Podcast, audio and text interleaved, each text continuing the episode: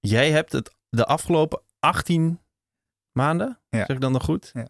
ben je de wereld rondgereisd Ja. om een boek te maken. Hoe heet het boek? Waar gaat het over? Eh goeie vraag. Kick-off. Het boek heet eh, Tales from the Roads Less Traveled. En eh, is eigenlijk een. het is enerzijds is het een, een samenvatting van mijn beste foto's van de afgelopen pak een beet vijf, zes, zeven jaar. Maar het is ook meer een. eh, over, over de tijd, zeg maar, is het boek ook meer gegroeid naar een platform dat ik graag wil bieden voor de mensen die erin staan om hun verhalen kwijt te kunnen aan een groter publiek. Mhm. Maar welke mensen zijn dat? Ja, dat, dat- dat- ja, dit is, een, eh, dit is echt een. Dan moeten we echt terug in de tijd. Oké.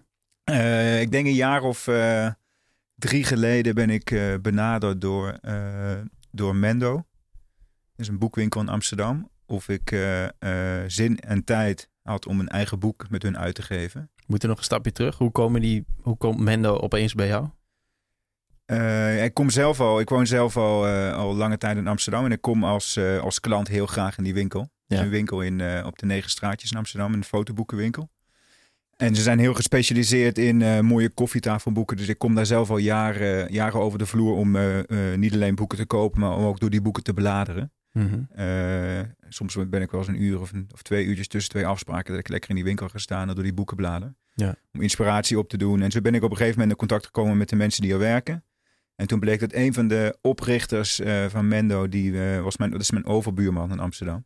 Kan Dat ik wist, zo- kan dat ik zo naar- niet? Of, eh, dat wist ik niet, dat wist ik Oh. niet. Nee, daar kon ik zo naar binnen kijken. Oh, ja. Dus ja, dat is 1 en 1 is 2. En toen raakten we een soort van beetje bevriend als boekenliefhebbers. En zo is dat gegroeid eh, eh, door de jaren heen. Als, eh, dat ik daar eigenlijk als klant op een gegeven moment ook een soort van als fotograaf daar meer met die jongens bevriend raakte. En van het een kwam het ander. Mhm. Dus dat is, dat is een jaar of drie geleden. Toen ben ik benaderd. Ik heb al eens een eerder aan boeken en uitgaves van Mendo meegewerkt als fotograaf, waarin ik foto's ter beschikking stelde. En toen kreeg ik de, de vraag waar ik eigenlijk alleen, op dat moment alleen maar van kon dromen. Wil je met ons zelf een boek maken met alleen jouw eigen werk? Ja, gewoon met alleen jouw naam erop. En eh, dat, dat- zo begon het. En eh, we zijn nu bijna drie jaar verder en het boek is bijna, het boek is klaar. Eh, we gaan bijna lanceren. Mhm. Maar over die periode is zeg maar dit hele project is ook veranderd zeg maar in de tijd. Wat eerst begon als een collectie van je beste werk, is op een gegeven moment ook meer een soort van missie geworden die ik als fotograaf wil uitdragen. Het, het, het verhalen van, bui, van ver buiten Nederland, van plekken waar mensen niet zo niet zo snel naartoe gaan zelf om die naar Nederland te halen. Of in ieder geval naar de, aan de wereld te geven. En om Ja. die mensen die naar het boek staan een podium te bieden. Maar waarom vind je dat belangrijk? Uh, ja, het te veel in hokjes denken misschien? Ja, er gebeurt wel wat natuurlijk in de wereld op dit moment. Uh, ja, je kunt geen, geen krant openslaan of het gaat over uh, 2019 problematiek als uh, klimaatverandering, het verdwijnen van culturen, plastic problem, problematiek. Dus Weet je, het zijn wel tijden waarin we leven die denk ik heel bijzonder gaan zijn als we in de toekomst terugkijken. Denk ik dat er vaak gezegd gaat worden, weet je nog, die jaren. Toen, is, Mhm. toen hebben we het verschil kunnen maken en hebben we het niet gedaan. Of toen hebben we het verschil kunnen maken, maar we hebben het wel gedaan. Ja. Dus ik denk dat we echt op een punt zitten in de geschiedenis waarin eh, fotografie en journalistiek en media en de, een, een hele significante bijdrage kan leveren. En niet alleen in bewustwording, maar ook in verandering. Ja. En ik voel die verantwoordelijkheid wel. Ik ben die meer gaan voelen in het maken van dit boek. Uh, en ik hoop die ook dat die nog gaat groeien in de toekomst. Maar dat was in het begin dus helemaal niet zo. Nou, dat was, je dat was mooie minder. foto's maken. Ja, dat was minder. Ja. Dus ik was, ik moet zeggen dat ik in, in, tijdens het maken van het boek ook zelf best wel uh, een ontwikkeling door heb gemaakt als fotograaf, maar ook zeker als mens. Misschien nog wel meer als mens. Omdat je ook echt geconfronteerd wordt met al die plekken die je bezoekt. En als je daar echt in vastbijt en je gaat erin graven, dan ja, dat raakt je wel, zeg maar. Je ziet dingen die aan je volstrekt aan je voorbij gaan als je niet naar dat soort plekken toe gaat. Mm -hmm. Dus je ik denk dat je in zo'n proces altijd heel erg verandert. Uh, en ik ben daar wel echt een bewuster en ook een beter mens door geworden. Dus ja, in de, in de eerste jaren toen ik fotografeerde, deed ik het meer voor de hobby en voor de hype. Dan voor uh, de true, the true art of storytelling. Weet je. Dat is er wel ingegroeid de afgelopen jaren. Maar is dat, zijn er fotografen die daar echt wel zo mee beginnen? Of is het eigenlijk een pad wat eigenlijk iedereen volgt? Ik bedoel, ik kan me echt voorstellen dat mensen nu Instagram-accounts zien met mooie foto's en denken, oh, ik ga ook foto fotograaf worden om Ja. mooie foto's te maken. Maar misschien is, dat, is denk je Ja. dat het een goede Ja, fotografie is wel van iedereen geworden. Vroeger, Ja, precies. vroeger was fotografie een beroep en eh hoefde je dan niet per se een studie voor te doen. Maar het is wel lekker als je, als je wel met een studie begint. En een camera kopen was duur. Ja. En een rolletje, rolletje camera- laten ontwikkelen was ook heel duur. Ja. Eh, en tegenwoordig zit, een telefoon, zit, zit op elke telefoon een camera. En als er zo meteen een ongeluk op straat gebeurt, zijn er twintig fotografen binnen twee minuten. Want Ja. iedereen, iedereen is eigenlijk fotograaf. Ja. Dus het is echt iets geworden van, eh, van iedereen. Wat het denk ik moeilijker maakt om als fotograaf daar met kop en schouders bovenuit te steken. Dus het is, je ziet, we leven echt in een content age, denk ik. Mhm. Er is ook echt een overkill aan beeld en overkill aan video. En je wordt de hele dag geconfronteerd met, met visuals. Ja. Dat was vroeger natuurlijk voor het internet ook anders. Toen ik begon met fotograferen, toen was ik denk ik, eh, ik weet niet meer precies hoor, maar 17, 18, 19 jaar, een beetje in die periode. Toen was er nog geen digitale fotografie. Mhm. Eh, toen kreeg ik een camera van mijn vader. Ja, dat was hartstikke bijzonder. Niemand had een, ik kende niemand met een camera. Nee, ja, Nee. Ik, had, ik had het met zo'n handicam eh, ding Ja. die ik toen mee had naar een schoolreisje, Ja, zoiets. ja. Ja, dat was je wel- dat- man. Ja, was je wel echt een man. Je Ja. had de camera. Ja. Dus die tijden zijn wel veranderd. En als je nu kijkt naar. eh, ja, ik denk wel dat iedereen. eh, Kijk, eh, wat er op een gegeven moment gebeurde toen social media, social media als, als vervolgstap naar digitale fotografie kwam. toen werd niet alleen fotografie van iedereen, maar toen werd ook het delen van je gave leven van iedereen. Ja. Weet je, en dat hebben we allemaal meegemaakt. Daar hoeven we volgens mij niet over uit te wijden. Maar ik denk wel dat dat heel erg heeft, heeft bijgedragen aan het veranderen van travel als, als industrie. In welke zin? Nou ja, het, eh, ik denk dat, tenminste, ik kan me nog heel goed herinneren toen ik zelf eh, ooit begon met reizen. Toen eh, dat ging echt om het reizen. Mhm. Toen ik nog niet echt intensief fotografeerde. Toen was ik echt op, op zoek naar connectie maken, naar avontuur, naar vreemde culturen. En tegenwoordig betrap ik mezelf er ook, nu inmiddels wat minder, maar de afgelopen jaren betrapte ik mezelf er best wel vaker op. Dat ik zelf ook koos van ja, met die bestemming is eigenlijk wel gaver om naartoe te gaan, omdat je dat mooier kunt laten zien dan die andere bestemming. Ja. Snap je? Dus je gaat op een gegeven moment keuzes maken die volgens mij geleid worden door wat je omgeving ervan vindt, versus naar wat je er zelf van vindt. Mhm. En dat is, eh, dat kan als een, volgens mij kan dat als een po- hele positieve eh, tool ingezet worden als je, eh, als je er echt iets, als je erover nadenkt en er iets. Kijk, als je die invloed, eh, inf- influencers, weet je, dat is echt, dit, dit is de tijd waar, waarin we leven nu. Het gaat alleen maar over influencers en heb je de goede influence. Maar ik denk dat je zo'n influence, zo'n influence kun je heel goed positief inzetten, maar Ja. wordt te vaak nog te oppervlakkig ingezet. Ja. En ik denk dat de afgelopen jaren echt een heel goed voorbeeld is geweest van eh, een industrie die helemaal uit zijn voegen is gebarsten. Die hele reisindustrie is helemaal ontploft op, eh, op hoe gaaf jij je eigen leven kunt projecteren. Mhm. En dat is, dat is niet alleen gevaarlijk voor eh, de mensen die, eh, eh, die in die industrie werken, maar het is ook heel gevaarlijk voor de planeet. En het is heel gevaarlijk voor de dieren die op de planeet leven. En het is eigenlijk voor, het is best wel destructief. Dus ja, maar het is misschien niet meteen een goed onderwerp om meteen mee af te trappen. Maar Nee, ja, het is prima. ja, dat zijn wel, dat, kijk, dat, dat zijn wel dingen die, die mij nu ook, naarmate ik ouder word en als ik aan zo'n boek werk, die me heel erg bezighouden als Mhm. fotograaf. Mass tourism, weet je, dat soort dingen. Wil je mensen uiteindelijk, wil je zoveel mensen naar dezelfde plekken sturen? Ja, precies. Maar, maar vind je dan dat, het, dat, dat mensen überhaupt minder dingen moeten bekijken? Of moeten ze er langer over doen? Of moet het beter verspreid worden? Of moeten mensen beter snappen waarom ze op pad gaan? Ja, er zijn, Eh. ja dat, dat weet ik niet. Ik weet niet of ik, eh, of ik in de positie ben om daar iets over te zeggen en te vinden, want ik eh, reis zelf ook veel. Maar, Nee, ik, maar ik ik bedoel- denk daar wel veel over na. En ik, eh, ik denk wel dat, kijk, eh ver reizen is iets, het is niet alleen van deze tijd. Dat, dat doen mensen al, heel erg lang. En eh, opeens werd de verreizen heel erg toegankelijk en konden we ver vliegen. En, en je merkt nu wel, om me heen merk ik het heel erg, dat mensen weer terug in bewegen zijn. Nou, ik hoef helemaal niet ver te reizen, want er kan ook gewoon, weet je, dat- als je de doorstep adventure, Ja. die, die gedachte, het- dichtbij zijn ook heel veel mooie plekken. Ja, klopt. En ik merk dat, eh, dat ik mezelf ook steeds vaker wil dwingen om, dat, om op die manier te kijken naar. Ik hoef niet per se naar eh, India te vliegen om een mooi verhaal te maken. Want je kunt ook een heel mooi verhaal maken over een, eh, over een plek dichter bij huis. Ja. Het gaat erom hoe je naar een bepaalde narrative en naar een storyline kijkt. En hoe je je voorbereidt, hoe je je inleest, welke mensen je kent. Weet je.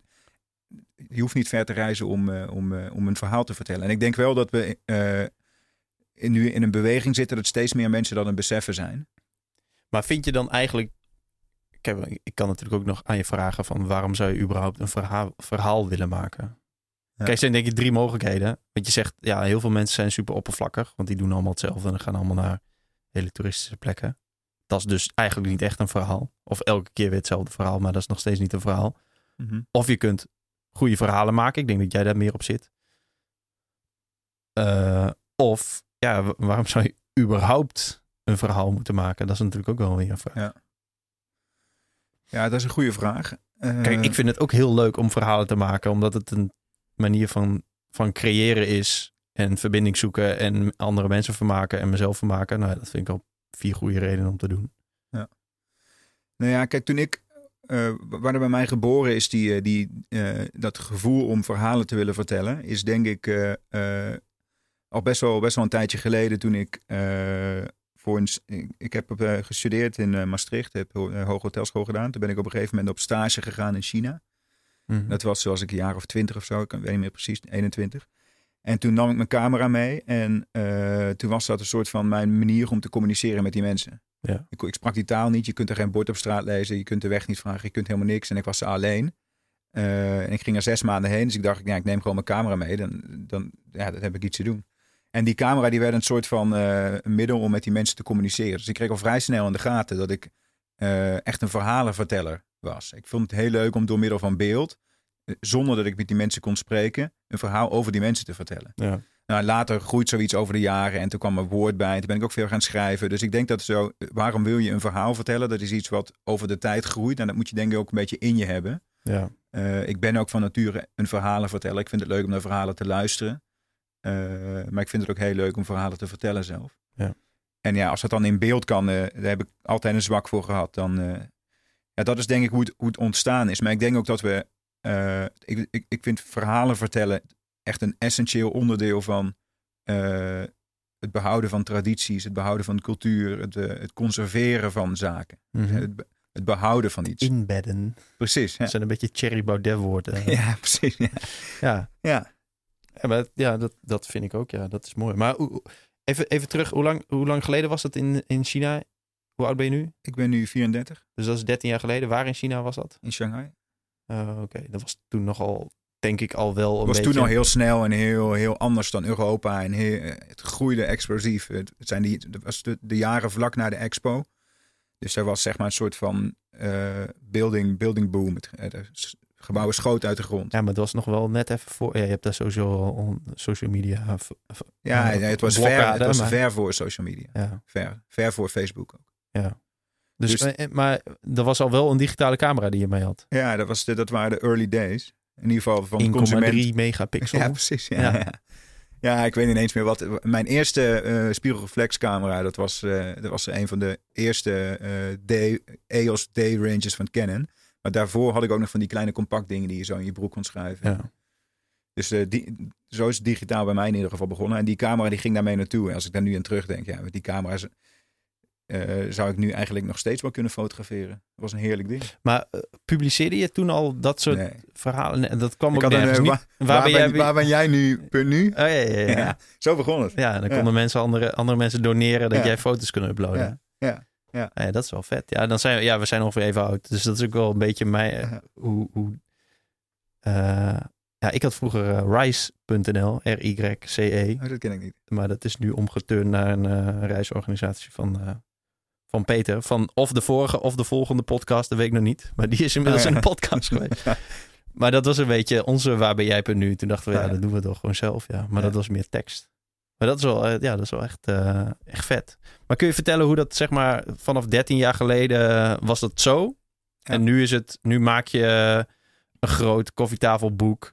En we gaan het straks hebben over de plekken waar je bent geweest. Maar ben je de hele wereld over geweest en op de meest bijzondere plekken. Wat, wat is zeg maar de tijdlijn? Is dat één rechte lijn of is het, is nee, het nee, op nee. een gegeven moment explosief, vera- explosief veranderd? Heel erg veranderd. Ja, het is, eh, het is wel, eh, het is zeker geen rechte lijn. Eh, want heel veel mensen, ja, ik, ik, ik, ik heb natuurlijk een bepaalde, je hebt een bepaalde online identiteit, maar daarnaast heb je ook nog gewoon een normaal leven vaak. Dat vergeten mensen wel eens. En heel veel Ja, mensen ja, denken dat ik al tien jaar professioneel fotografeer, maar dat doe ik eigenlijk pas twee jaar, nu full- fulltime. Dus ik heb hiervoor altijd gewoon in, eh, eh, in loondienst gewerkt bij Ahold in Zaandam. Mhm. Daar heb ik eh, diverse commerciële functies gehad. Daar heb ik het onwijs naar mijn zin gehad. Eh, ik heb altijd daarnaast gefotografeerd, maar ik merkte wel dat dat op een gegeven moment een dodelijke cocktail was. Omdat ik werk, werkweken draaide van 70, 80 uur. Zowel op kantoor als daarnaast in mijn vrije tijd als fotograaf. Dus ik, op een gegeven moment dan voel je wel dat er een bepaald moment gaat komen dat je een keuze moet maken. Ja. Nou, dat moment dat kwam voor mij in 2017, waarbij ik gezegd heb: Oké, ik ga stoppen met, eh, met mijn fulltime eh, eh, baan bij Albert Heijn. Hebben wij toen ongeveer elkaar gesproken, toch? Het zou kunnen. Denk ja. ik. Of Volgens Ja. mij zei je toen. Of was Ja. je net gestopt? Of zo- of zo. Nou ja, ik ben eh, halverwege 2017 heb ik dat voor het eerst kenbaar gemaakt. Toen ben ik nog een tijdje in dienst gebleven en langzaam die transitie gemaakt 2000 richting 2018. Dus het is nog niet eens zo heel lang geleden.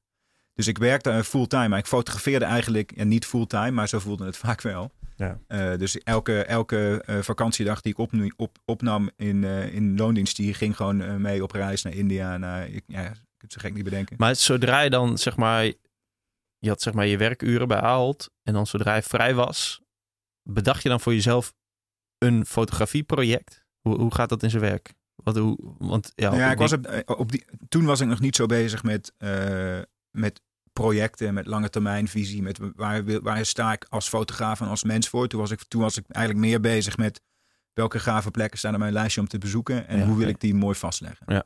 Dus ik, eh, daar zat iets misschien wel wat 90% van de luisteraars, en Ja. misschien wel meer, heeft nu. Ja. Ik, Ja. ik ook, denk ik. Ja. Ik was gewoon, ik, ik was, ik was eigenlijk niet meer dan een hobby, een beetje uit de kluit gewassen hobbyfotograaf. Maar wel met, met een heel sterk gevoel van ik wil hier meer mee doen. Mhm. Maar ik durfde dat alleen niet. Weet je, je zit zo in zo'n. Ja, ik zat echt in een, eh, eh, in een gouden kooi. Ja. En dat kunnen we nu, als ik nu terugkijk, dan eh, besef ik dat misschien nog wel meer als toen. Je stapt er gewoon moeilijk uit. De voorwaarden, voorwaarden waren goed. Ik had onwijs leuke collega's.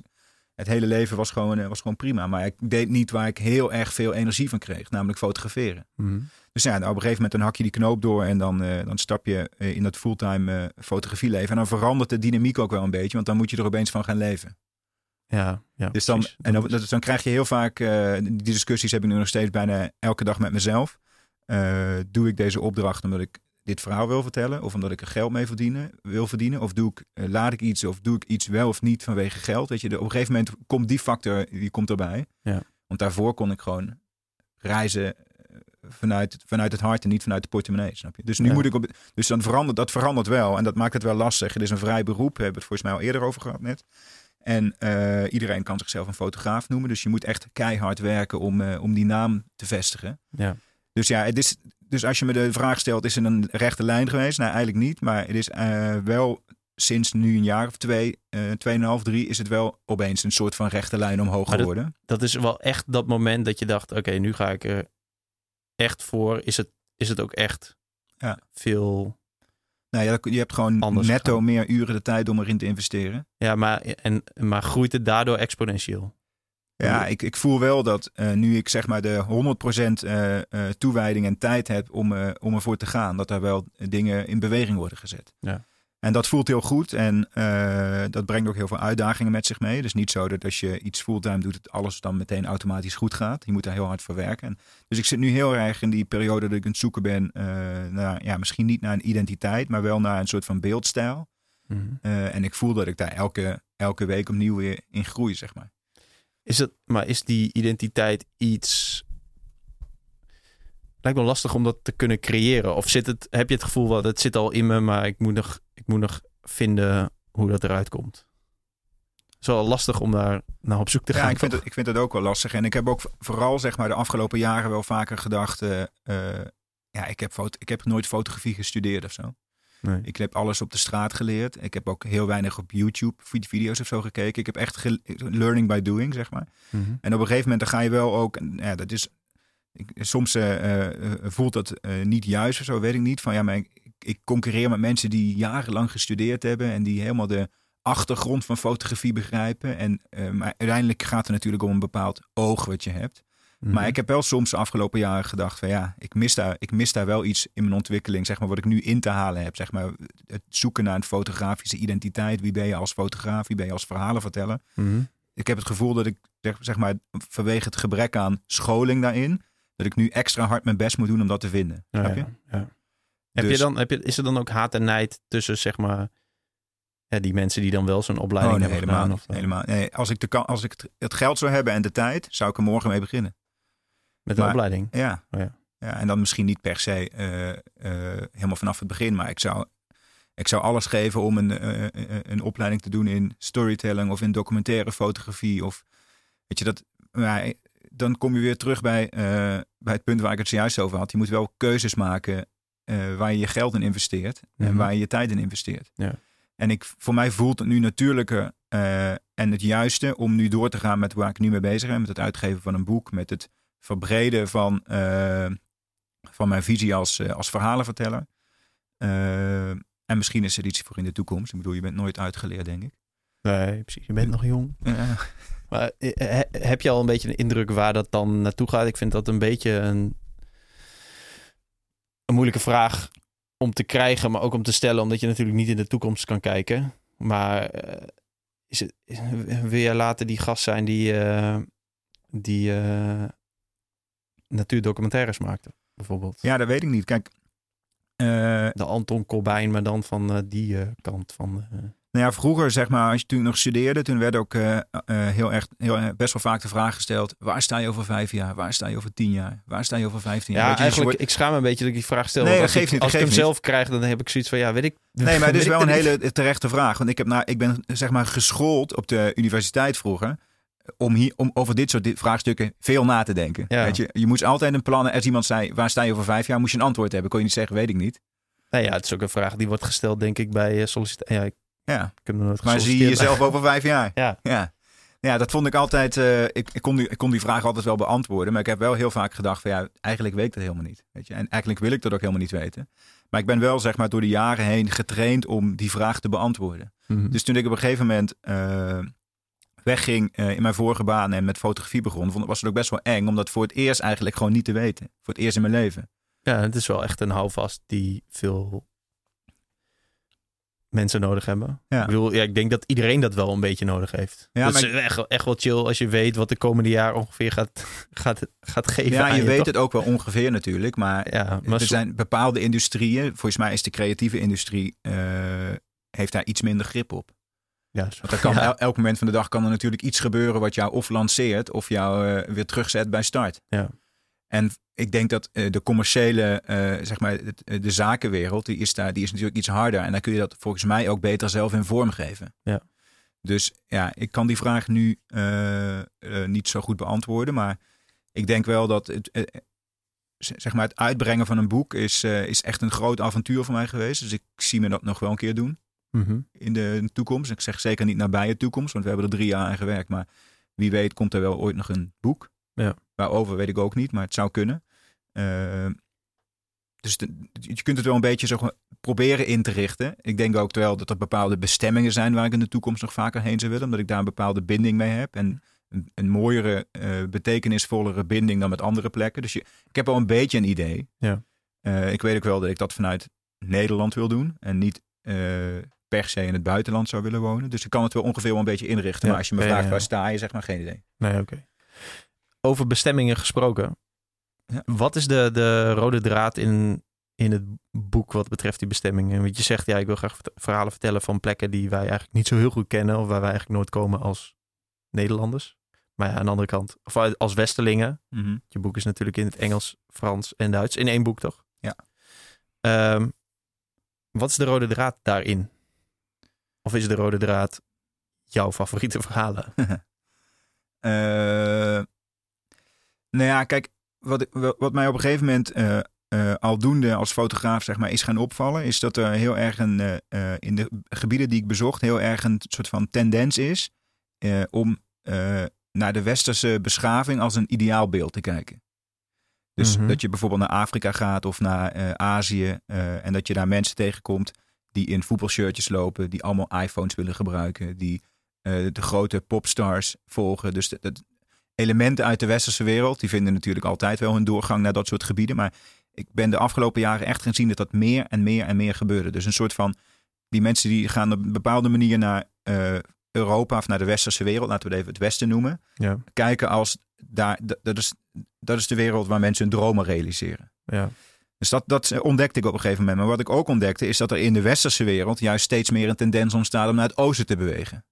Ja. Naar mensen die, eh, ja, eh, wat was het, een van de woorden, bijna het woord van het jaar vorig jaar, Yo- yoga-snuiver Oh, ja, ja, ja, in Amsterdam, toch? Heb je, ja, ik- bedoel, yoga is echt van het volk aan het worden. Dat is echt een, dat was tien jaar, tien, twintig jaar geleden was dat echt voor de hippies. Ja. Weet je, en dat is een heel klein voorbeeld, maar ook eh, eh, op het gebied van bewustwording eh, zie ik echt heel veel mensen naar het oosten bewegen. Naar bepaalde vormen van eh, boeddhistische retoriek of naar verhalen uit eh, hindoe beschaving. Ja. Het gebeurt gewoon voor je neus.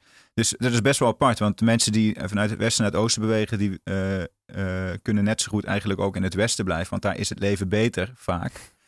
Maar die mensen die in het oosten wonen, die beseffen volgens mij niet wat voor mooi leven ze zelf hebben. En dat ontdekte ik op een gegeven moment. Dus ik zag op een gegeven moment dat de mensen die die westerse wereld zo idealiseren, vaak vergeten hoe mooi de wereld is waar ze zelf wonen. Niet alleen op natuur, maar vooral ook op cultuur. Ja.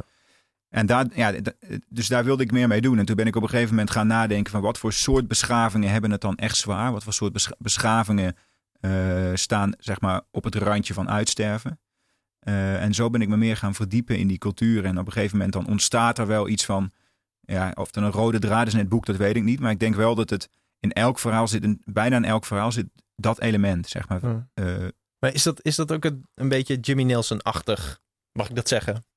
ja, mag je zeker zeggen. Ja, ja. Lij- lijkt het erop? Of is het een... eh, Nee, ja, de, die vraag heb ik, eh, heb ik wel eens eerder gehad. En eh, ik ben een heel groot fan van, van, de, van zijn werk en van zijn projecten. Ik denk dat dat... dat zijn echt documenten. Als we over 100 jaar nog een keer terugkijken, eh, weet je nog 2019, en we pakken dit boek erbij. Weet je nog hoeveel verschillende culturen en stammen we toen hadden? Weet je, zo'n document is het. Dus het is, eh, daar werk je zeven jaar aan. En volgens mij heeft hij er nog langer aan gewerkt. Dus waanzinnig, heel veel respect voor. Eh, maar mijn fotografie is wel anders. Weet je, ik zou zelf niet zo snel kiezen om, eh, om scènes te sceneren, om mensen neer te zetten. Daar is hij natuurlijk de master in. Eh, maar ik ben meer, zeg maar, ik fotografeer eh, meer vanaf fly on the wall. eh, ja, ja, precies. oogpunt. Dus ik zou niet zo snel. Zoals het is. Of zo. Ja, ja, ik weet niet of dat is zoals het is, maar zoals ik het zie. Snap je? dat? Ja, maar hoe, als we daar dan wat, wat dieper op inzoomen, hoe gaat dan, hoe komt dan zo'n foto tot stand? Dan zeg je, hallo, ik ben Pie, ik, mag ik foto's van je maken en doe, doe maar gewoon wat je altijd al deed? Of hoe, hoe gaat het dan? Nou ja, zo ging het vroeger wel meer. Vroeger was het meer zo het fotograferen op de straat. Ja. Eh, niet echt voorbereid, maar vooral op zoek naar eh, de momenten die op dat moment gebeuren. Dat kun je niet sturen, dat kun je niet saneren, dat gebeurt gewoon. Maar tegenwoordig, en zeker voor dit boek, ben ik meer op zoek gegaan naar verhaallijnen die ik van tevoren enigszins kon, eh, kon uitwerken. Waarbij ik iets meer het, ge- het gevoel kreeg dat ik dieper aan het graven was. In plaats van aan de oppervlakte fotograferen wat je tegenkomt. Dus ik ben wel, eh, in het boek zit een aantal, eh, eh, nou, nou, misschien even een voorbeeld noemen. Dat maakt het wat concreter zonder beeld.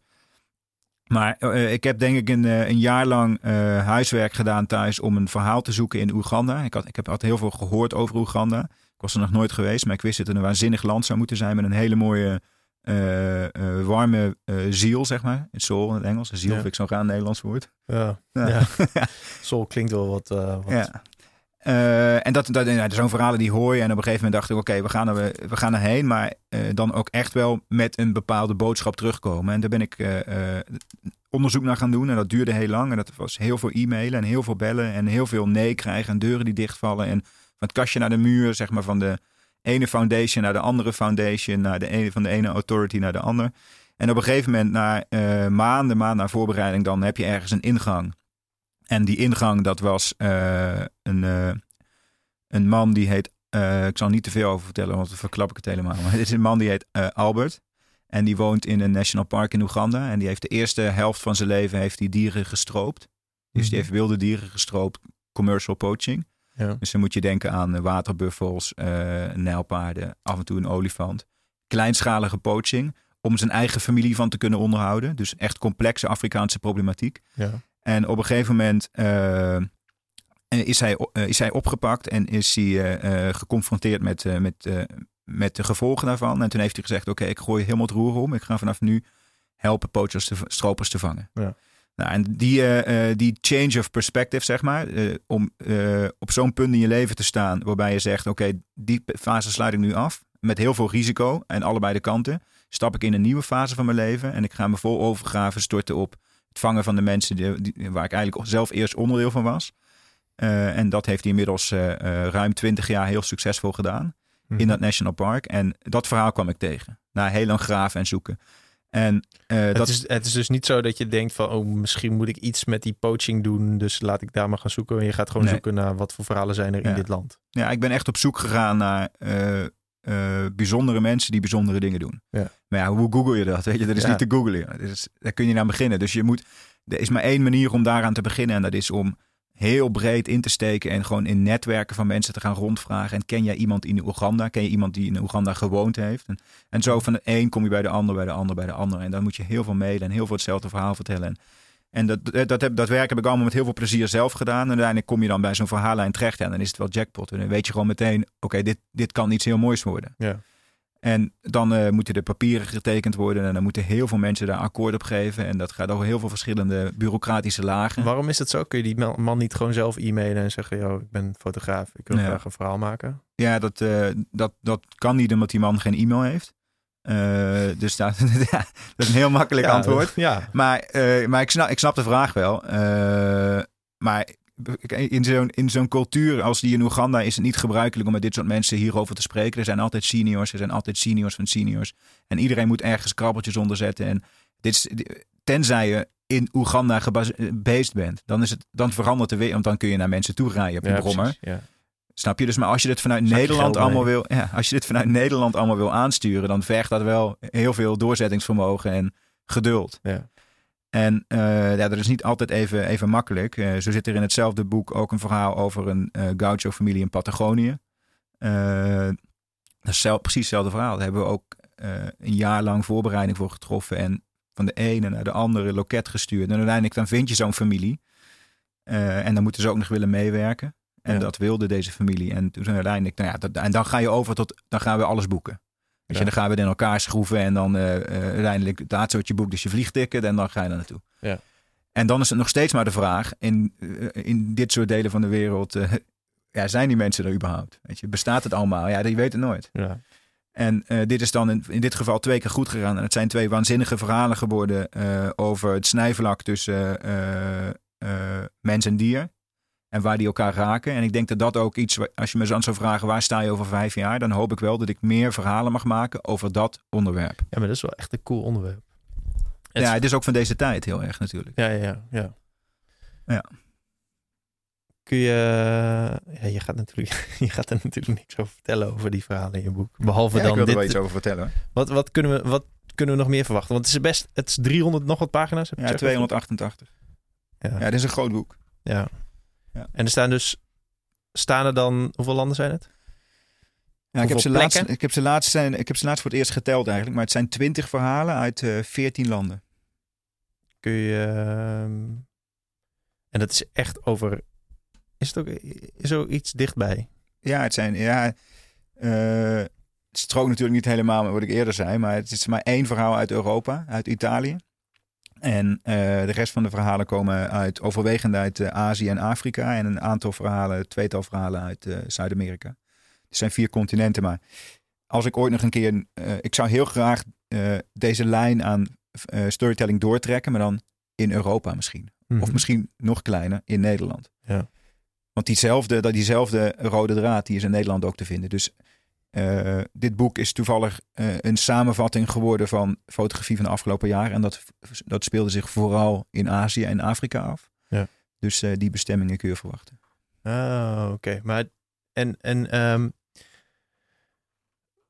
wat, wat voor mij het meest opvalt. Kijk, ik ken jou niet zo heel goed, want wij, jij bent altijd in het buitenland. Ik ben er ook, ik ben er ook wel eens. Maar meestal is het, is het een andere plek van het buitenland. Ja. Dus we, we kennen elkaar niet eh, privé of zo. Dus eigenlijk wat ik van je volg zijn je twee Instagram-accounts. Ehm, ik zie heel vaak eh, echt vette foto's van Afrikaanse wildlife kom ik tegen.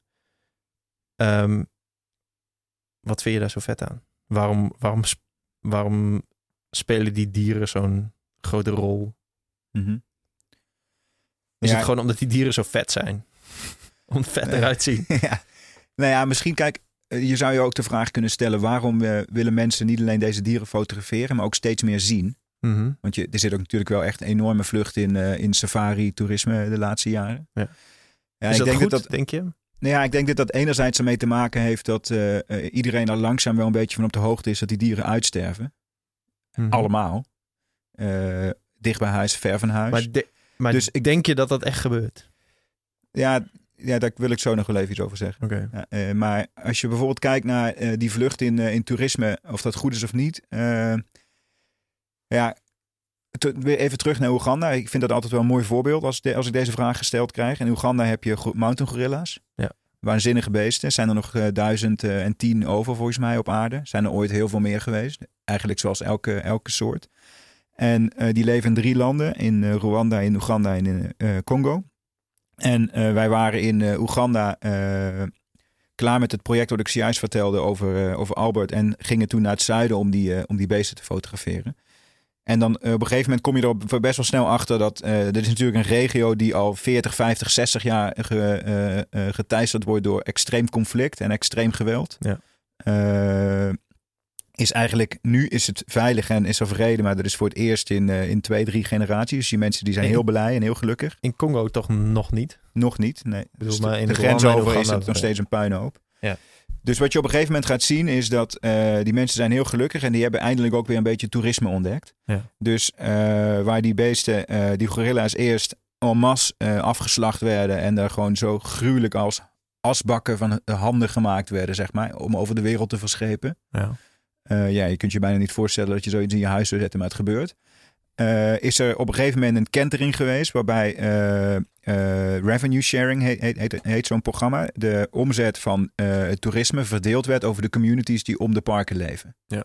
Dus wat daardoor gebeurde is dat die mensen op een gegeven moment gaan inzien, die Oegandezen, van oh, wacht eens even, die beesten die we eerst afslachten, daar krijgen we nu veel meer geld voor als we ze beschermen. Want die toeristen zijn zo gek om in het geval van Oeganda 650 dollar per uur te betalen Ja. om zo'n beest te zien. Dus op een gegeven moment verandert die dynamiek helemaal in zo'n land. Er is vrede, er is veiligheid. Dus eh, mensen hebben weer ruimte om na te denken over commerciële initiatieven. ja, ik wil zeggen, want volgens mij denk je daar niet... Je denkt niet echt na Nee, over het beschermen van gorilla's als je... Als je in oorlogsgebieden woont. Ja, precies. Nee, precies, precies. Dus, dus het, het, het komt ook met vrede en het gaat weer met oorlog vaak.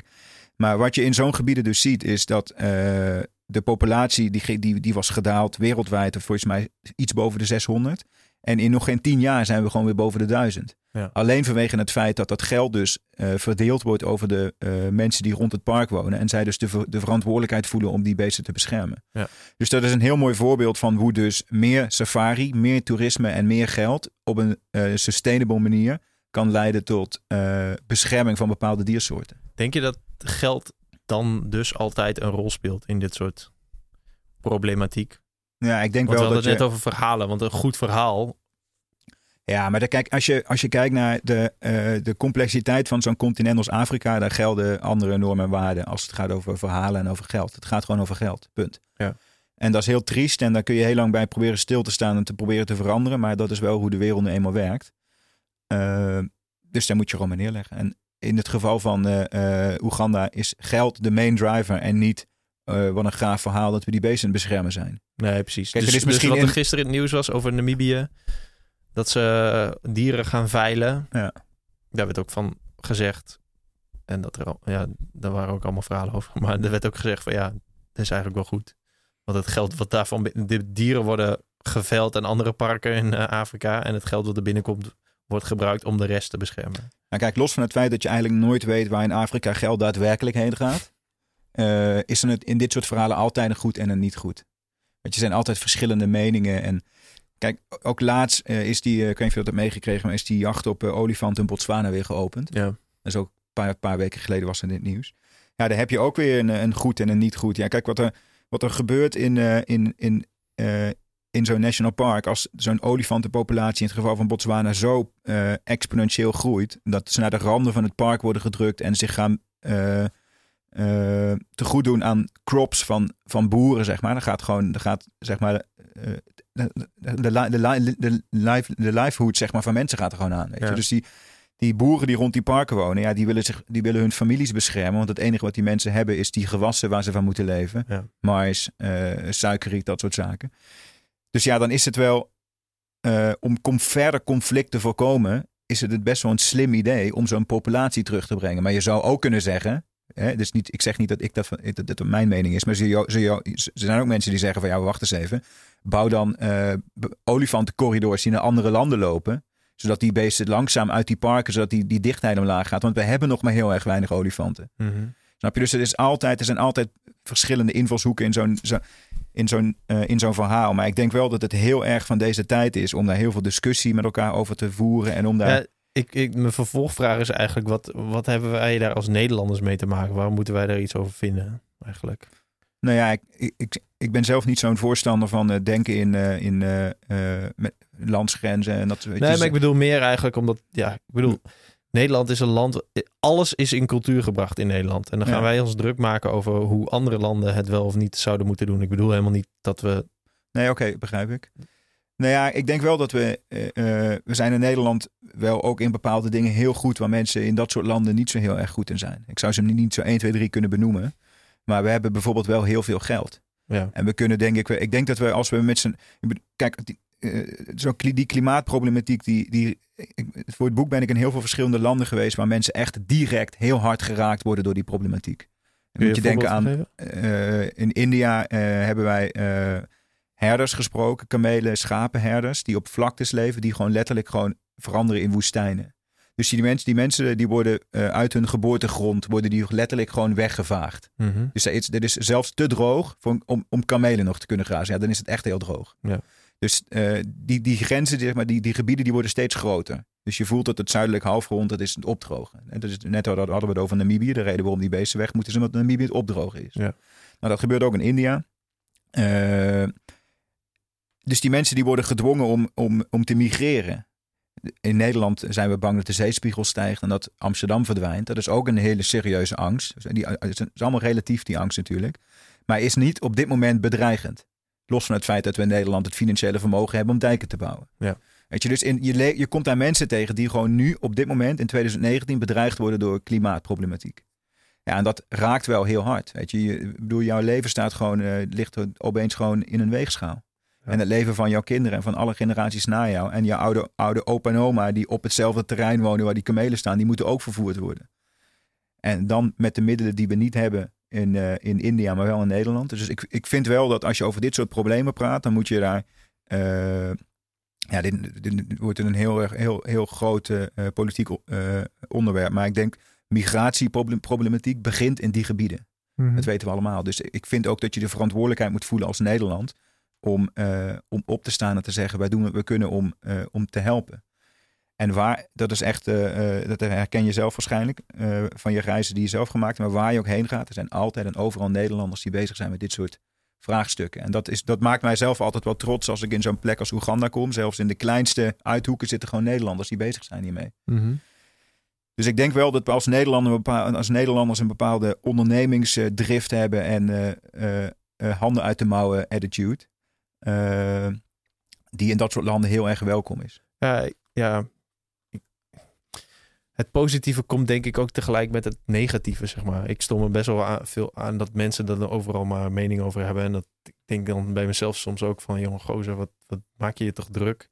Aan de andere kant is het ook wel weer de reden dat die mensen daar dus zitten. Ja, ja, Dat, is, Ja. dat is een beetje Ja. yin en yang, denk ik. eh. Ja. ja eens. Maar eh, ja, het is misschien een gewetensvraag, maar hoe, hoe sta je daar dan dus nu zelf in? Word je daar echt een activist van? Ik zie, ik zie op, op je Because People Matter Instagram account wel. Maar ja, eigenlijk op je eigen Instagram account ook wel heel vaak daar posts over. Hoe, hoe probeer je mensen dan te bewegen om er anders over na te denken of om actie te ondernemen of op welke manier dan ook? Ja, Ben je een activist? ja ik, eh, ik denk wel dat ik dat meer aan het worden ben, ja. Maar- Eh, maar dat komt dus- de defini- ik weet niet precies wat de definitie van een activist is, maar eh, ik denk wel dat ik nu op het punt sta eh, in mijn leven dat ik ook eh, de verantwoordelijkheid voel om op te staan en te protesteren te- over bepaalde onderwerpen. Terwijl Zou je in zo'n mars meelopen? ja, daar zou ik wel meelopen, ja. toevallig heb ik de afgelopen twee edities... eh, Moeten missen. Ja, ja, omdat ik niet in Nederland was. Volgens mij afgelopen zondag, 16 juni, twee dagen geleden... was, eh, was er een Extinction Rebellion eh, mars in Amsterdam. Mhm. En dat is een groep die ik al een tijdje volg. Die zijn heel groot in, eh, in, eh, in Engeland opgestaan. Eh, in, het, in de schaduw van de brexit proberen zij ogen op klimaat te krijgen. En dat waait nu een beetje over, zeg maar, ook in die Greta Thunberg movement. zeg maar, de- Die bewustwording rond klimaat, dat begint Mhm. bij hele jonge generaties. Ja. En die Extinction Rebellion, dat is ook een, een hele jonge club. En die hadden een mars in Amsterdam. En ik zei nog tegen Jessica, mijn vriendin, van... als ik nu in Amsterdam was geweest, had ik meegelopen. En zij beaamde dat eh, direct. Mhm. Weet je, dus ik begin die verantwoordelijkheid steeds meer te voelen. En kijk, we hebben natuurlijk jarenlang in een soort van eh, age of awareness eh, geleefd. Waarbij het alleen maar ging over, ja, je moet mensen uitleggen wat de gevolgen zijn van climate change. Je moet mensen uitleggen wat de gevolgen zijn van het verliezen van diersoorten. Maar we- die tijd van awareness, die zijn we, het is long past, zeg maar. We zitten, en eigenlijk ook de, tijd, de, de age of action, die volgens mij, voor mijn gevoel, na awareness komt. Dus je mensen ook echt een call to action moet geven. Mhm. Bijvoorbeeld sta op en protesteer, sta op en doneer, dat soort teksten. Eh, volgens mij zijn we daar nu langzaam ook weer uit aan het groeien. En nu komt er een soort van age of emergency. Ja. Volgens mij zijn dat een beetje de fases, zeg maar. Maar ik, eh, die, zeg maar, als fotograaf heb ik jarenlang eh, heel veel voldoening gekregen uit... Ja, ik vertel toch verhalen over eh Ja, precies. Dat was, diersoorten. Dat is, toch, dan is toch voldoende? ja, precies. Want dat was... Dat, kijk, jij krijgt natuurlijk ook vragen als je over de hele wereld vliegt. Wa- Wat doe jij dan? En jij denkt Ja, alleen maar ja. bij, bla, bla, bla. Ja. Dan was jouw antwoord.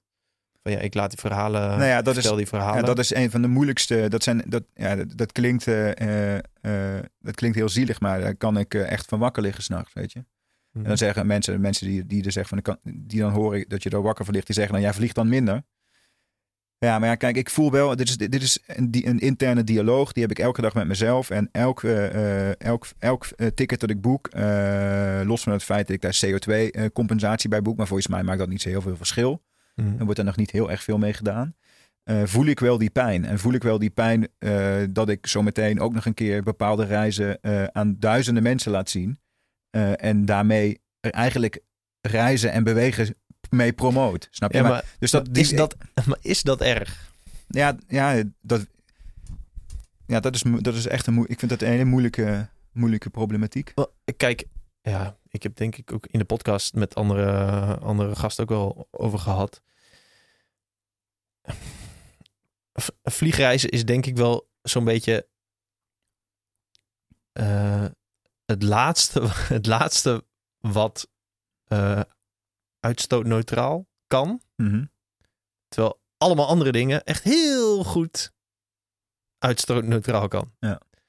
Dus ik, ik begrijp nooit zo goed. Kijk, ehm, en, ja, het is dus in totaal is het echt maar een klein deel van de totale uitstoot. Ik begrijp nooit zo goed waarom daar heel erg de focus op ligt. Nou ja, ik moet zeggen, ik heb niet eh, de eh, percentages paraat nu. Het is, echt, het is maximaal 10%. Het is een schatting een beetje tussen de 3 en 10% van alles. Nou ja, ik- ik ben van mening dat. dat, is, dat is een antwoord wat je niet. Kijk, als, je, als ik de vraag krijg. als het zoveel pijn doet, vlieg dan minder. Kan mijn antwoord niet zijn.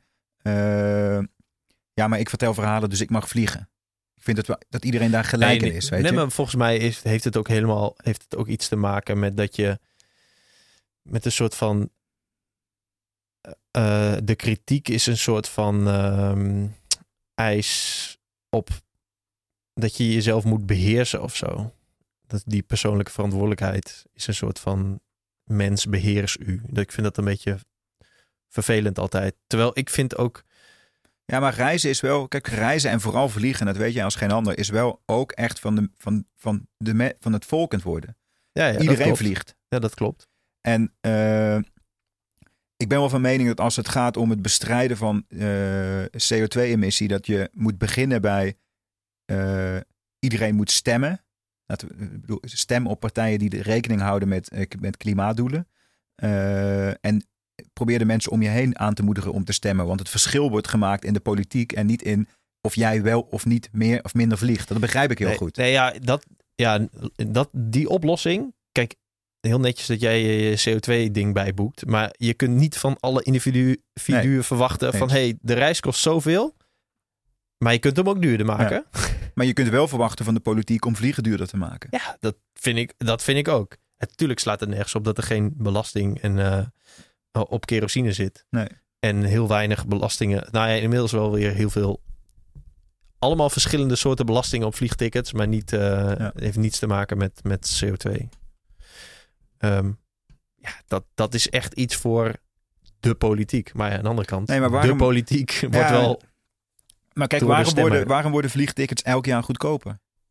Dat, dat zit toch, er zit toch in de mens en in onze maatschappij zit toch wel een bepaalde eh, de drang om alles maar te kapitaliseren. Het moet altijd elk jaar, elke, en dat, dat ging mij op een, gegeven, op een gegeven moment ook heel erg storen in het bedrijfsleven. En daarom was, was ik nog meer gemotiveerd om daaruit te, om daaruit te stappen.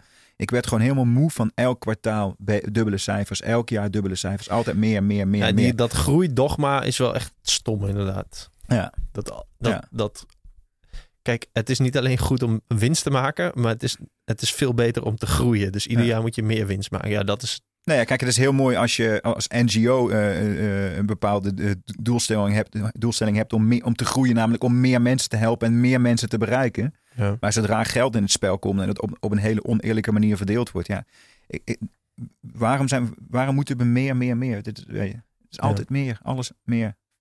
Hebben, bezitten, beleven, meemaken. En ik ben er ook zelf debat aan. Weet je, je gaat gewoon, eh, als je niet oppast, ga je gewoon mee in die, in die tornado, die, eh, die kapitalistische tornado. Ja. En dat is natuurlijk precies ook het probleem bij vliegen. Ja, je kunt mensen eh, eh, die eindelijk na jarenlang hard werken, nu wel opeens een ticket naar Bali kunnen betalen, die kun je dat niet ontzeggen. Dat kan niet. Waarom zouden andere mensen wel, wel- moet, minder moeten vliegen en de mensen die de verhalen vertellen mogen wel blijven vliegen? Ja, dat is natuurlijk heel raar. ja, precies. Maar dat is wel iets waarbij ik elke keer opnieuw, en ik las laatst dat er zelfs een woord voor is, vliegschaamte. Ik kende het niet, maar ik vind het wel Ja, leuk. je bent een wel- tijdje in het buitenland geweest. Ja, die, die, die hangt al een tijdje in de lucht hoor. Ja, Ja, ja. oké, ja. Maar eh, carbon footprint, die ken ik natuurlijk wel. Dat was een beetje van de tijd dat je vertrok, kon je zo op een website kon je invullen en dan kon je zien eh, wanneer wat je footprint. Ja. En nu gaat het over vliegschaamte en nu gaat het tegenwoordig opeens over klimaatdepressie. En dan, dus er komen wel allemaal, weet je, het, Ja, er ik, komt meer discussie over. ik vind de carbon footprint. Kijk, ik vind het logisch dat, dat je.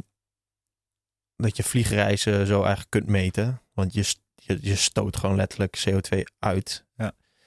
Ehm, maar ik vind het een beetje irritant worden als je je hele leven op een CO2-weegschaal moet Ja. leggen. Ik bedoel, ja, ik, ik wil ook nog wel ehm, kunnen, le kunnen Ja, leven, nee, zeg maar. Eens. En, en eh, zo'n woord als schaamte, ja, ik vind dat best wel kwalijk eigenlijk. Omdat je dan, je, je vindt dan heel erg wat van andere individuen, zeg maar. Ik vind dat heel erg, dat vind ik heel erg stom.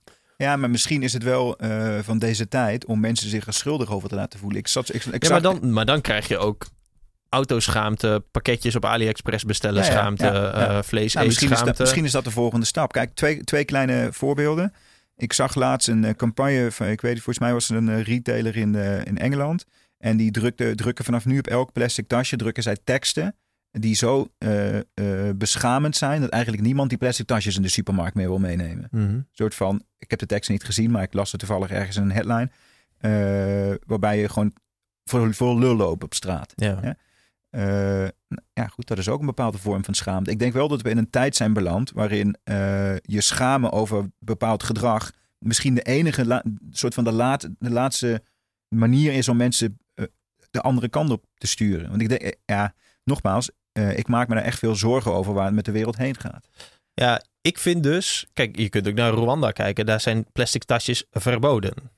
Dat is toch ook prima? Ja. Ik bedoel, we worden, er worden ook geen gebouwen meer gebouwd met asbest. Omdat het, eh, weet ik veel, als je erin gaat zagen, dat het Ja. niet echt best is. Ja, Ja. je kunt shit verbieden, Ja. toch? Ik bedoel, Ja. er zijn heel veel andere Ja. opties. Ja, maar dat begint dan wel weer in de politiek. Kijk, misschien is het zo dat we over 50 jaar terugkijken en dat jij tegen je kleinkinderen zegt: Ja, dat was toen in die tijd, in 2019, toen aten wij nog dieren. Weet je, ja, weet ik veel. Misschien eten we over 50 jaar geen dieren meer. Ja.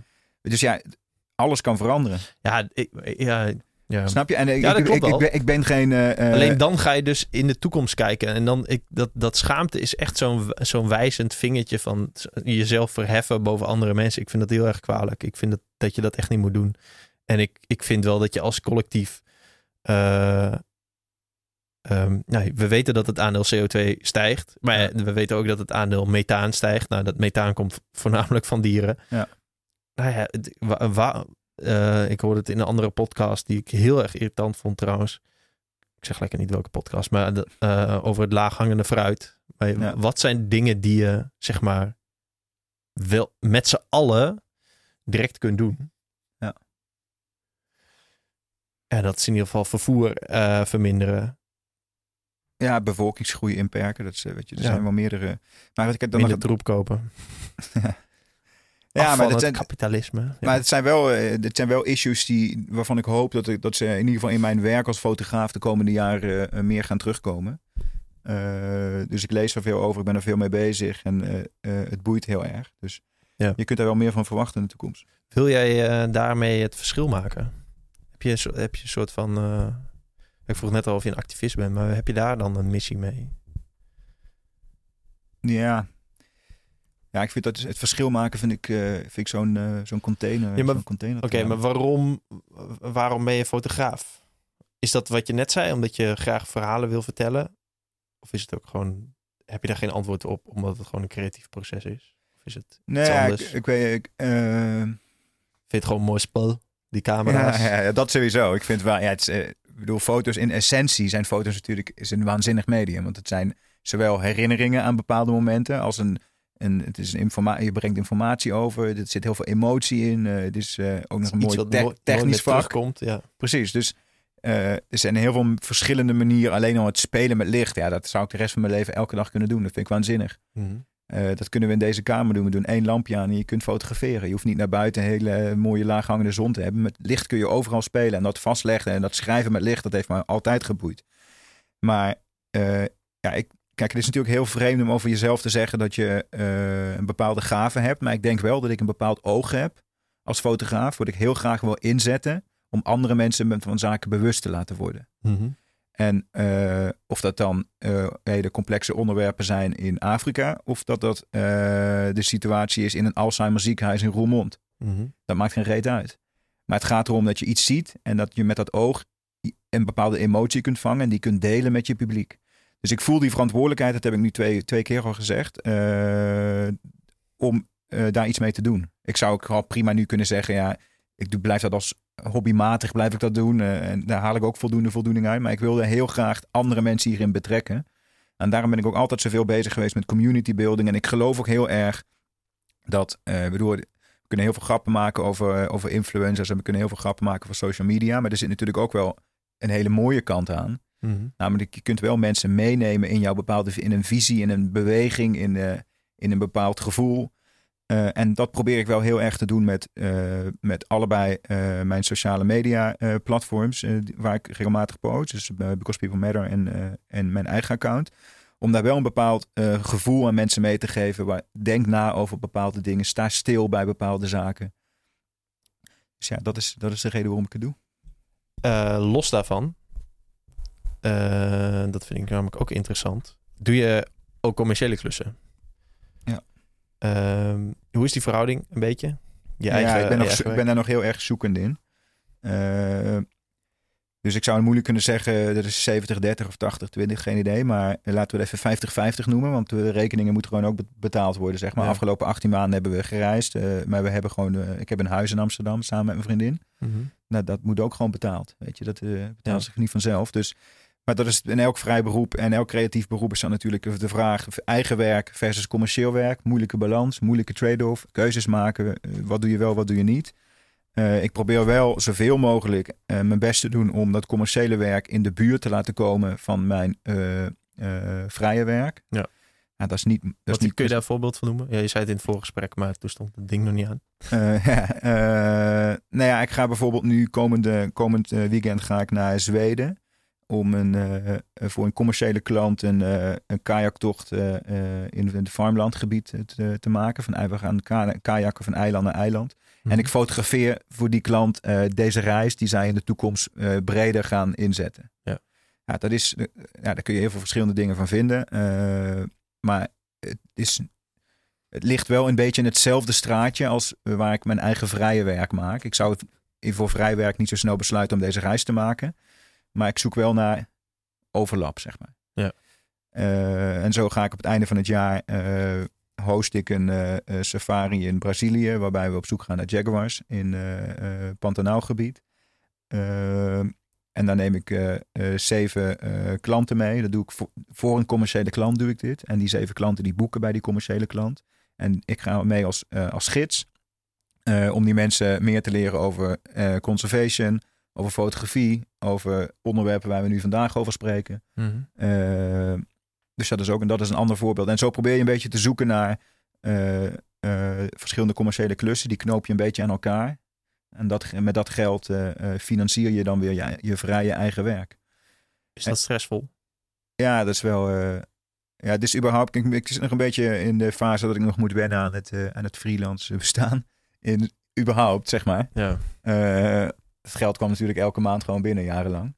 Dus dat is, eh, het, is wel, eh, het is wel stressvol om. eh, die dynamiek is wel. er komt opeens heel lang niks en dan komt er opeens best wel veel en dan valt er weer iets af. En weet je, dus dat, ik zit er heel erg in die, in die fase.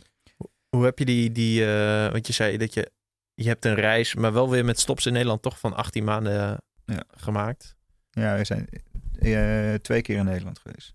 Maar dat was niet echt lang, want je kon je eigen huis niet in, zeg maar. Nee. Toch? Nee, dus we, we, waren, we sliepen we bij vrienden. Heb je, eh, kijk, ik kijk er zo naar. Eh, je zult ongetwijfeld eh, veel moeten sparen om ja, die reis te kunnen bekostigen. Ja. Je bent natuurlijk ook influencer. Nee, je hebt, je hebt, je hebt wel wat, ik, ik snap best dat je deals kunt maken met plekken waar je kunt verblijven en zo. Ja. Hoe wi- wil je of kun je iets vertellen over hoe je zo'n reis financiert? Ja, dat, dat wil ik wel. Eh, even denken of we een voorbeeld kunnen noemen. Nou, in het algemeen is het zo dat eh, we hebben 18 maanden sa- ehm, samen met mijn vriendin heb ik 18 maanden gereisd. Dus we, hebben ook, we doen ook heel veel dingen samen. We bereiden veel samen voor. Dus we kunnen ook een beetje de workload eh, verdelen. Dus hoe wij vaak zo'n zo'n bestemming aanvliegen is om eerst een narrative te bedenken. Dus wat voor verhaal willen we vertellen?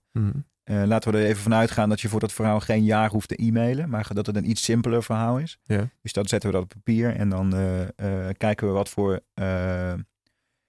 partijen daar een rol in zouden kunnen spelen die, dat ba- die baat hebben bij dat verhaal. Dus het kunnen com- enerzijds commerciële partijen zijn, travel operators, vliegtuigmaatschappijen, noem ze op. Mhm. Of anderzijds wat meer een NGO-structuur, lokale foundations, et cetera.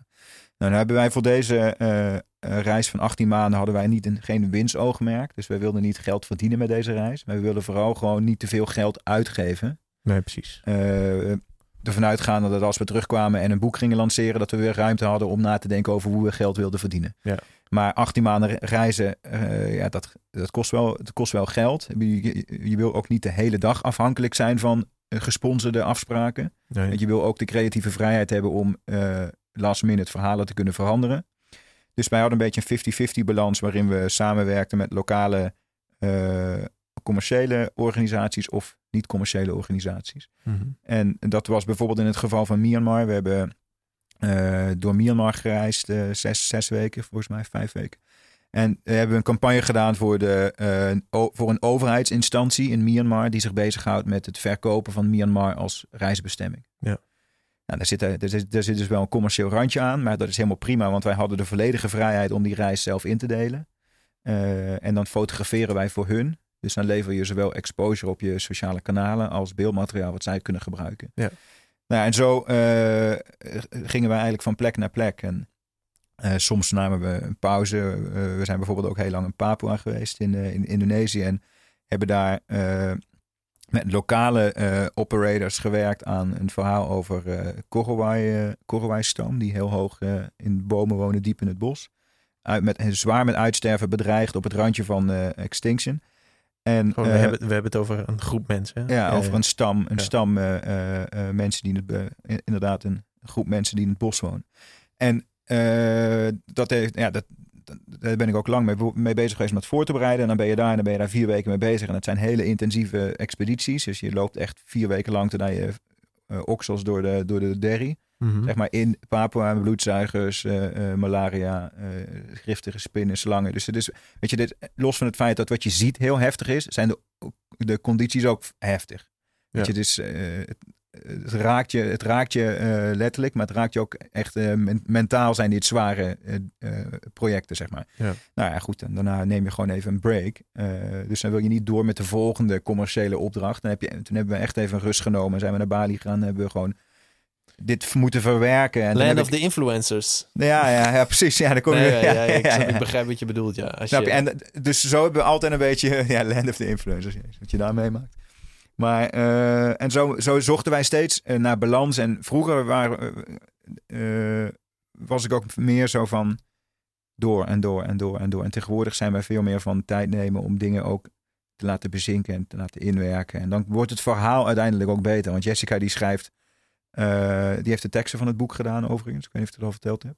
ja, in het voorgesprek, maar niet... Ja, dus we hebben eh, 18 maanden lang samengewerkt als duo. Dus ik deed de visuals en Jessica de copy.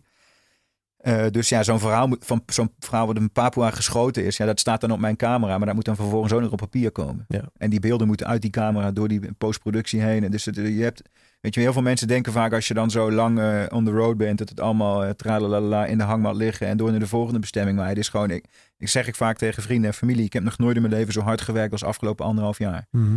Dus ja, het, is, het ziet er aan de buitenkant, en dat is dan ook weer zo gevaarlijk aan, de, aan social media. Het ziet er aan de buitenkant altijd zo uit van, ja, die, die mensen werken niet. Mhm. Die reizen alleen maar. Ja, het, het doet me een beetje denken aan die, volgens mij, die allerlaatste aflevering van die nieuwe Planet Earth eh, ja. documentaire. Dat Ja. ze even laten zien in wat voor eh, hokjes eh, ze een maand lang moeten zitten in. Siberië om één keer een tijger voor de camera te hebben. Ja.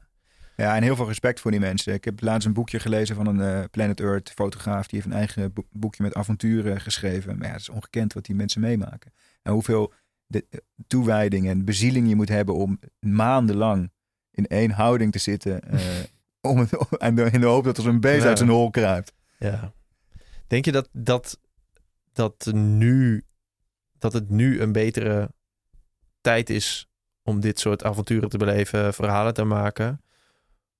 Of eh, wordt het steeds schaarser?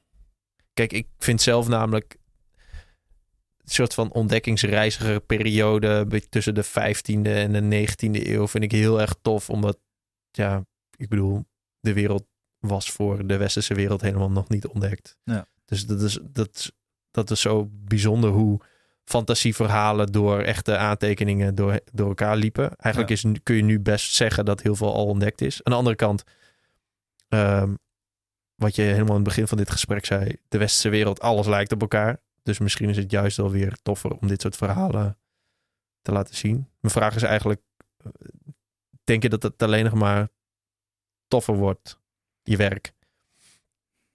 Ja, Of juist niet? Of dat het gelijk blijft? Ja, dat vind ik wel, vind ik wel, eh, vind ik wel lastig. Kijk, eh, er is volgens mij zijn er geen plekken meer niet te googlen. Ik bedoel, ik, Ja. ik, ik ken de, plekken die... En Pat- we, we- waren de laatste bestemming van onze reis waren we in Patagonië. Toen kwam ik voor het eerst eigenlijk op een plek die ik op Google niet wel een beetje kon vinden, maar niet helemaal kon vinden. En toen begon ik daar voor, het eerst over na te denken. Maar wat voor plek was het dan?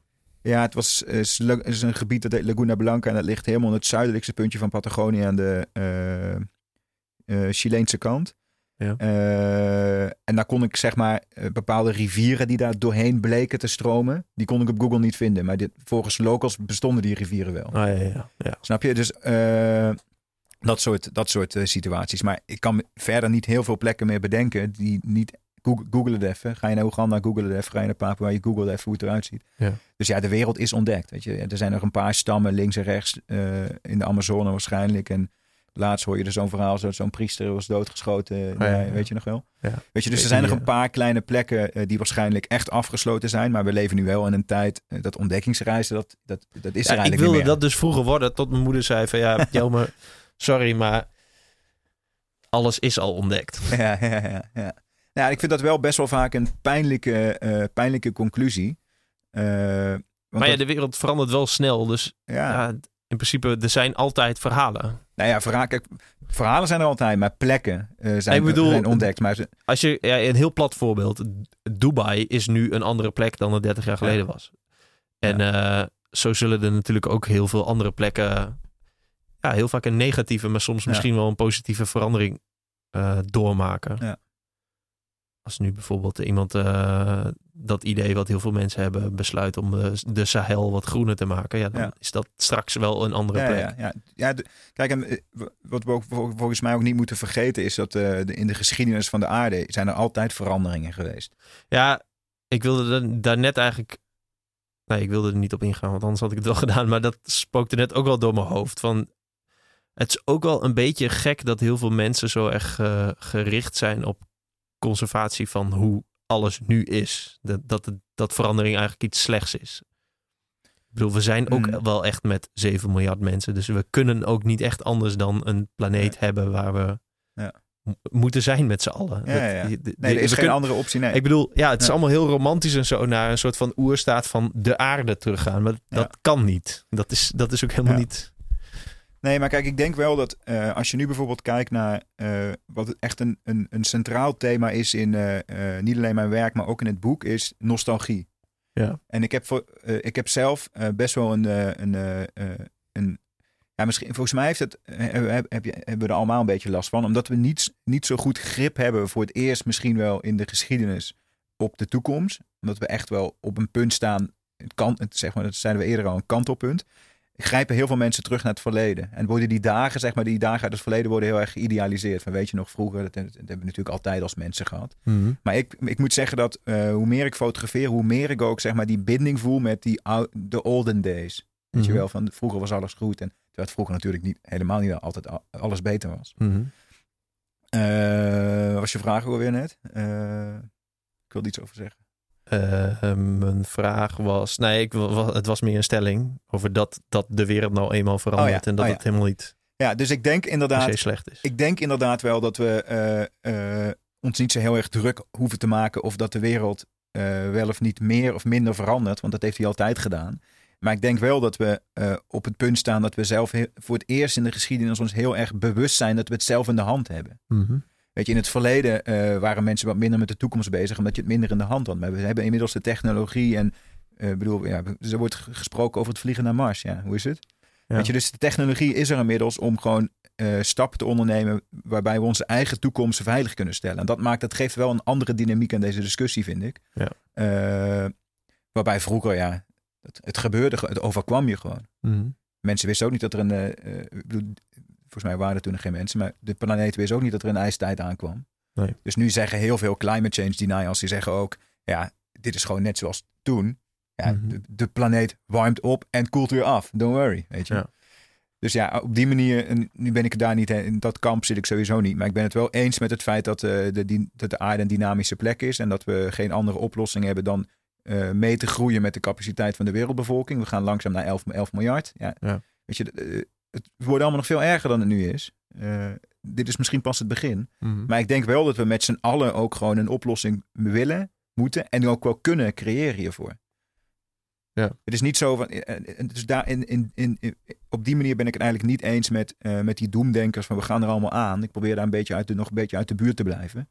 Want ik denk wel dat we de mogelijkheid hebben als mensheid om gewoon heel veel slimme stappen te zetten. Ik bedoel, hoeveel mensen zijn er dagelijks bezig met conservation? Mhm. Heel veel. En, dat, en dat, dus misschien omdat ik in dat, in, dat, in, dat, in dat veld werk, dat ik daar meer op let. Maar dat geeft wel heel veel hoop. En ik denk ook wel dat als je kijkt naar de verhalen die in het boek zitten en eh, de reis die wij gemaakt hebben, dat is het centrale thema is ook wel hoop. En ondanks dat er heel veel destructie is en heel veel eh, eh, verandering, eh, denk ik wel dat er eh,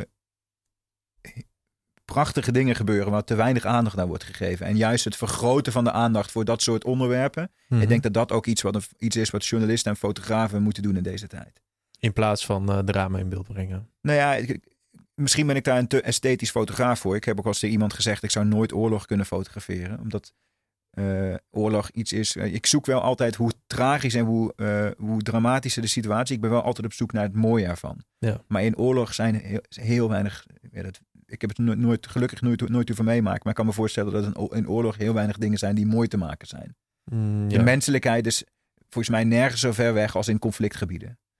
Dus, en wat ik, wat ik in mijn werk wel altijd probeer, eh, is om die menselijkheid op te zoeken. eh, en om het wat zachter te- en wat aangenamer te maken dan, dan, dan de werkelijkheid daadwerkelijk is. ja. En of dat dan esthetiek heet, geen idee. Ik weet, niet- ik weet niet hoe- hoe je dat noemt. Maar ik denk wel dat, ik, dat, dat, dat mijn werk daarom bekend staat. En dat vind ik ook waanzinnig om te doen. Dus ik, ja, eh, iets mooier laten zien eh, dan het daadwerkelijk is, is misschien op dit moment niet eh, de meest juiste beslissing. En ik denk dat we wel geconfronteerd moeten worden. We worden ook een beetje het klimaatmoe, weet je. Zo de hele tijd al die... Je, hoeft, je kunt tegenwoordig je nieuwsapps op je telefoon niet openen. En het gaat er weer over. Mhm. Weet je, dus ik kan me heel goed voorstellen dat mensen dat dat ook averechts werkt. Dat mensen op een gegeven moment denken van, jezus, daar gaan we weer. Ik hoef al die negatieve... Ja, ik heb, ik Shit zelf ook wel. ja, snap je? zo weet je zo, ja. ja, precies. Precies dat. weet Het zal net. wel. Ja. En dat is Nou, extreem ja. gevaarlijk natuurlijk. Eh, ja, weet ik, ik, ik, ik, ja.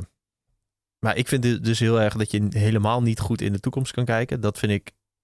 En we doen allemaal alsof we dat wel heel goed kunnen. Dat vind ik heel erg irritant. Eh, dat is één. Terwijl je kunt heus wel shit voorspellen. Dat snap ik heus wel. Maar niet, niet heel specifiek.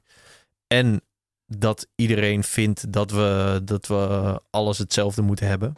Of zoals vroeger. Dat- ja, volgens mij moet je gewoon meebewegen met, met hoe de wereld is. Ja. Ehm, en inderdaad, de hele tijd dat, dat, eh, dat apocalyptische, een soort van, van we gaan er allemaal aan en je moet wel aan de goede kant van de historie staan. Dat, ik- dat, dat, ja, dat ik krijg daar heel veel, eh, hoe heet dat? Ehm, ik leg heel veel linkjes met, al, met allemaal andere gebeurtenissen en, en religies en zo. Dat, het- volgens mij is dat ook niet goed. Nee. Ehm, Nee, maar kijk, als je, eh, eh, je kunt wel meebewegen met een bepaalde be- eh, verandering die op aarde gebeur, eh, plaatsvindt. Maar het feit dat er eh, nog maar eh, x aantal olifanten over zijn van een populatie die ooit zo groot snap je? ja, ja, dat, dat- dat, Dat, dat zijn wel, eh, dat, dat, nee, dat heeft niks meer te maken met meebewegen. Dus ik ben het met je eens dat, het, eh, dat er eh, mensen dus misschien een beetje doorslaan in die gefuktheid over apocalyptisch denken. Daar ben ik Mhm. helemaal met je eens. Maar ik denk wel dat we ook echt met z'n allen die collectieve verantwoordelijkheid moeten voelen om in te grijpen. Ja, nee, ik, ik ben ook zeker. Kijk, ik vind heel veel dingen wel irritant. Ik vind het ook he- eigenlijk heel mooi dat, er, dat, er, dat je het zo vaak hoort. Want ik geloof wel dat juist daardoor dat heel veel mensen gaan innoveren en dingen shit beter gaan doen. Dus dat is alleen maar prima. En als het, als het heel gemoedelijk en rustig gaat, dan gebeurt er ook niks. Dus dat is allemaal wel prima. Ja. Dus ja, eh, ik ben, wel, ik ben, eh, ben er wel tevreden mee. Maar ik heb, ik heb er ook wel kritiek op. Of hoe, Ja, maar het, is, het is ook goed om daar eh, vanuit twee perspectieven naar te kijken. Ja. En dat we niet allemaal achter diezelfde trein aanrennen. Ik bedoel, als we allemaal gaan roepen dat we eraan gaan. Nou ja, dat is, dat is voor de sfeer en de stemming. Om, om daadwerkelijk hoop te creëren ook niet heel handig. Ja, weet je. maar ik, ik vraag me dan af van ook, ook op welke manier gaan inderdaad mensen in beweging komen. Want ehm, ja, nu, als je gaat, ja, nu staat het een beetje stil of zo. Nee, maar je moet liefde voelen voor iets, weet je. Het gaat allemaal om liefde. En eh, eh, er is op dit moment in de wereld, denk ik, te veel angst en te veel agressie. En eh, als we met z'n allen eraan werken om, om weer... Niet, we zijn gewoon, wat ik heel erg voel op, als ik reis, is dat we de verbinding, niet alleen de verbinding met de natuur en niet alleen de verbinding met, met dieren, maar ook de verbinding met elkaar kwijtraken. Weet je, het is allemaal maar. In de westerse wereld gaat alles via telefoons en via schermen tegenwoordig. Nou, dat, we hoeven niet ervan uit te gaan dat dat minder wordt de komende 50 jaar. Nee. Eh, maar als je teruggaat, zeg maar, naar eh, diep in de bossen ergens, eh, waar mensen nog geen techniek hebben, dan kom je er eigenlijk pas achter wat het met je brein doet als je een tijdje uitstaat. Ja. Weet je, dus, en daar schrik je zo ontzettend van. Dus we raken niet alleen de verbinding kwijt met de natuur, maar we raken ook de verbinding met elkaar kwijt. Weet je, niet voor niks eh las laatst van een onderzoek dat eh, kinderen tegenwoordig heel veel moeite hebben omdat ze zoveel schermtijd. Ik, ik, ik heb zelf nog geen kinderen, maar eh, te veel schermtijd stoort in het, con- het connectie maken met andere kinderen. Ja. Zeg maar. zo, zo, daar zitten we nu op dat punt. Ja. Ja, dat is toch bizar? Ja, En, misschien, en kijk, en dan, en dan ben ik wel met je eens dat je zou kunnen zeggen van ja, maar dat techniek is ook, brengt ook heel veel mooie dingen. We moeten hierin meebewegen met Nou, deze nee, dat vind ik niet, want ik vind dat, ik vind dat, ja, dat, dat neomania, dat, dat alle nieuwe dingen of alle technologische, hypertechnologische ontwikkeling, dat slaat natuurlijk nergens op. Ik bedoel, ja, wat brengt, wat voor, wat voor goeds brengt het nou echt, zeg maar? Ja. Eigenlijk niks. Nee, nee. Want, Nee. want als er nu iedereen denkt van ja, ik, zou het, ik heb ook een keer een podcast opgenomen dat ik met, met iemand, dat je gewoon, dat we hadden bedacht dat we een hutje in een bos wilden hebben. Ja. Hoe, hoe doe je zoiets? Ja. ja, ik snap best dat heel veel mensen dat willen. Dit weekend nog vriendenweekend, dat je met z'n allen gewoon buiten zit te chillen. Ja. Nou, natuurlijk pakt iedereen zijn telefoon er wel eventjes bij, maar je bent wel echt, dat is gewoon wel echt tof. Ja. Dat je gewoon met z'n allen chillt, in plaats van met z'n allen los in ieders huiskamer zit achter je telefoon. Ja. Dat is toch wel... Ja. Nee, maar eh, dat herken je waarschijnlijk ook. Je geeft nu zelf een goed voorbeeld, maar ik zie dat om me heen overal gebeuren. Eh, dat mensen weer terug die natuur in willen. En eh, als we een keer met z'n vrienden ergens heen gaan, dan laten we liever de telefoons thuis en dat we ze meenemen. En dat was vijf jaar geleden ook wel anders. Toen was het namelijk heel gaaf om je telefoon mee te nemen. Ja, ja. Weet je, dus daar komt ook. De, en dat is allemaal verandering en daar gaan we allemaal doorheen. Maar ik merk wel. Een goed voorbeeld daarvan is dat wij op een gegeven moment eh, tijdens deze reis in. op verschillende plekken lang zijn afgesloten geweest van de, de buitenwereld. Dus, Ja, dus dan zag ik weer een story voorbij komen van, oh, we zijn er een week niet geweest. precies. Dus dacht ik, ik heb som- jullie helemaal niet gemist. Precies, ja, ja inderdaad. Want het leven gaat er gewoon door natuurlijk. Ja, Eh, maar soms zeven dagen, soms tien dagen, soms veertien dagen, ook wel eens een keer 21 dagen. En dan los van de buitenwereld, daar bedoel ik ook mee, vo- volledig ontkoppeld. Dus gewoon geen telefoon, geen televisies, geen kranten, geen media, helemaal niks. Eh, en daar op een gegeven moment na drie dagen ook vergeten dat je überhaupt nog een telefoon hebt, Mhm. zeg maar. En daar niet meer op kijken. En eh daar, ja, daar gebeuren wel wat dingen, zeg maar. Niet alleen in je hoofd, maar ook in de verbinding die je met mensen om je heen voelt. En maar ook in de verbinding die je voelt met de plekken waar je bent. Mhm. Weet je, dat dus wel, ja. en daar, de eerste keer dat dat gebeurde, eh, schrok ik er heel erg van. De tweede keer wist ik een beetje dat het eraan ging komen. En de derde keer zat ik erop te wachten, zeg maar. Ja, Kon had ik, er zin in, had ik ja. er zin in. ja. En eh, een van die plekken eh, is in... We hebben een tijdje in een klooster in Nepal. Daar hebben we ook een verhaal voor het boek gemaakt over een... er verschillende verhaallijnen eh, over dat klooster zitten in het boek. Maar een van die verhalen die ging over een eh, eh, Zweedse een dame uit Zweden. Die is in de jaren 70 is die naar Nepal vertrokken. Op een soort van one-way ticket, hippie, hippie trail.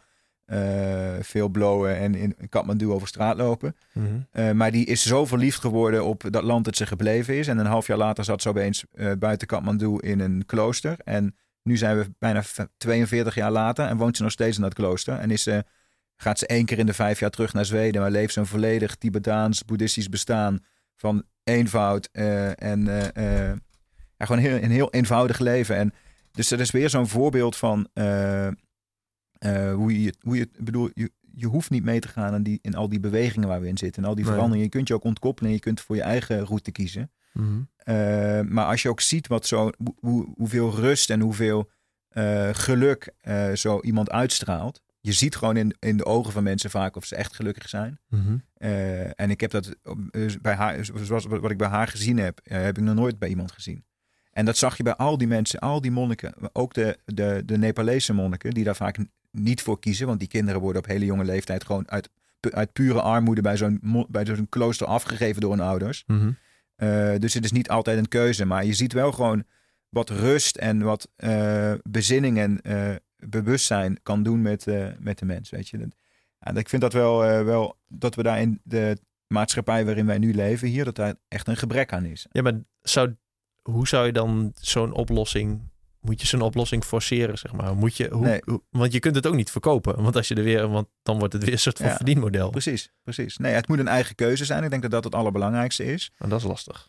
Maar je kunt, kijk, je kunt wel mensen, eh, je, je kunt wel dit, dit, verhaal vertellen. Ik bedoel, ik vertel het nu aan jou. Ja. En ik hoop dat zometeen eh mensen die naar deze podcast luisteren ook denken van, ja, ja, misschien moet ik het ook een keer proberen. Misschien moet ik ook een keer naar dat soort bestemmingen gaan. Of misschien moet ik ook een keer, je, bedoel, je hoeft niet naar dat soort bestemmingen te gaan. Je kunt ook thuis beginnen met dat soort, met hele kleine dingen, weet je. Ja. Maar gewoon meer bewustzijn, meer verbinding, eh, dat komt allemaal gewoon, ook meer stilte. Dus het, het is allemaal, het is- Ik, ik las het boek eh, The, Walker's Guide to Outdoor Clues and Signs. Dat, ik, Ja. dat was voor mij zo'n zo'n moment waarop ik dacht van ja, ik mis wel een soort van verbinding met de wereld waarin ik leef. Dat is een boek van een gast die, eh, die organiseert wandeltochten door het Britse landschap. Maar die weet eigenlijk van alle planten waarom ze daar groeien, van alle bomen wat ze zijn, van Ja. alle vogels, eh, eh, wolken. Hij kan het weer lezen en zo. Maar als deze man dus door het landschap loopt, dan, ja, dan zie hij ziet de wereld, zeg maar, wat alles wat die wereld betekent. Ja. Terwijl als ik door een landschap loop, denk ik, oh ja, hier is een pad. ja, snel daar is naar een plas en daar moet ik omheen. Weet je wel zo. En oké, ik kom dan eh, uit Hoogveen in Drenthe, dus misschien dat ik iets meer vogeltjes ken dan de rest, eh, Ja. dan een gemiddelde mens. Maar ik dacht, ja, dat is wel vet. Maar dat is ook dus ook bijvoorbeeld hoe eh, inheemse bevolking, Ja. bijvoorbeeld Aboriginals in Australië, ik weet niet of ik ze zo mag noemen, Ja. maar die lopen natuurlijk ook gewoon. wat- Is dat die, die, die Netflix-serie met ehm, Michael Pollan? Dat ook weer koekt Ken ik niet. ja, die lopen dat ook gewoon En dan lopen ze een beetje rond met de stok. En dan denken ze, oh, hier zit zo'n leguaan onder de grond. En dan, Ja. ze zien dat gewoon, zeg maar. Ja. Dat is wel echt vet. De, de wereld is zo... Ja, je, Nou ja, ja, kijk, volgens mij is het tegenwoordig zo dat 50% van de mensen op aarde in stedelijke gebieden wonen. Las daar laatst iets over. ja, inmiddels wel meer. Volgens mij, Of toen ik zelfs? geografie studeerde, was dat, eh, Was het was, wel het, 50? was het 50-50. Oh, ja. ja. Ja, en dat is natuurlijk zo meteen, eh, dat blijft groeien. Ja.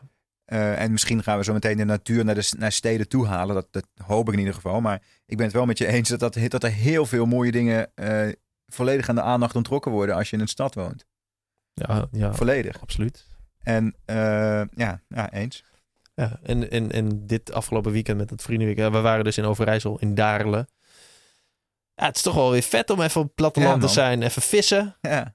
Maar no- kijk, ook hier, je hoeft daar niet, je hoeft je begin gewoon in je ei- op- bij, bij, bij thuis om de hoek. Weet je. je hoeft niet ver te reizen hiervoor. Hoe lang heb je in de auto gezeten? Anderhalf uur. Ja, was wel, dat is wel even een rij hoor. Ja, nee, anderhalf Ja, uur precies. Ja. Ja, En ja, gisteren eh, Park Frankendaal. Dat is eh Parkie. Even op de fiets naartoe. ja, Ja, ja, precies. Ja, zoek de natuur op. Ja, tip nummer één. Ja dat is wel... Je wordt er eh, gelukkiger van, denk ik. ik, ja, misschien is het ook wel een leeftijdding. En het is ook een millennial ding. En Ja, het is is ook een wonen in Amsterdam ding. En Ja. het is ook een verslaafd aan internet ding. Maar het, het eh, soort van terug naar, naar daar waar het groen is. En daar waar dingen leven. Ja, dat is wel... eh, Nee, je schijnt letterlijk gelukkiger te worden als je naar de kleur groen kijkt. Omdat, ah, dat, omdat er een soort van associaties in je hersenen gemaakt worden met... Ik weet niet of ik Oh, het precies goed zeg, maar met, met de natuur. Ja, dat Dus- geloof ik graag, ja. Dus als je eh, heel down bent, eh, ja, we weten allemaal dat wandelen eigenlijk het beste medicijn is voor, voor welk kwaaltje dan ook. Maar als je echt down bent, ik, ik doe het zelf ook altijd, dan eh, loop je gewoon, ik loop het Vondelpark in en dan kijk ik letterlijk naar, de, naar bomen en naar Ja. de natuur. En maar als we die natuur natuurlijk zo kapot maken dat die aan het verdwijnen is, dan worden we vanzelf ook allemaal depressiever. Ah ja, dus dan is eigenlijk is dat het grootste probleem. De, de- ja. Dus Nee, je hebt het, ik, denk, ik, ik denk echt dat je, kun je vinden of denken, het is gewoon aangetoond dat eh, er is gewoon geen overleving mogelijk zonder de na- natuurlijke schoonheid om je heen. Nee, precies. En de een is, heeft het wat beter getroffen. Die woont eh, ergens in eh, Noor- Noorwegen, in de fjorden, versus in New Delhi. Met Ja. de hoogste smo- smogconcentratie op aarde, weet je. Dus ieder, Ja. je moet het ook een beetje treffen. Maar we hebben het wel echt nodig, ja. Ehm, wanneer is het boeker? 18 juli. Waar kunnen we het kopen? Eh, bij Mendo. In Dus, eh, Amsterdam. in, Am- is, dus die, boek- boekwinkel waar ik het eh, begin over had. Via de Mendo-website is het te bestellen. mendo.nl. Mendo- Mendo.nl. Ja. Daar is het boek te bestellen, maar het ligt waarschijnlijk ook in een beetje elke fotoboekhandel in Nederland. Daar Mhm. gaan we wel vanuit. Tenminste, daar gaan, zijn we hard ons best voor doen. Dus de grote fotoboekhandels gaan het sowieso verkopen. Het is ook online te bestellen. Dus we beginnen met een eh, Europees, Europese launch op, eh, op 18 juli. En dan daarna een maand later beginnen we ook in de US. En dan gaat het boek hopelijk langzaam zijn weg vinden in die, in die grote boeken, boekenwereld.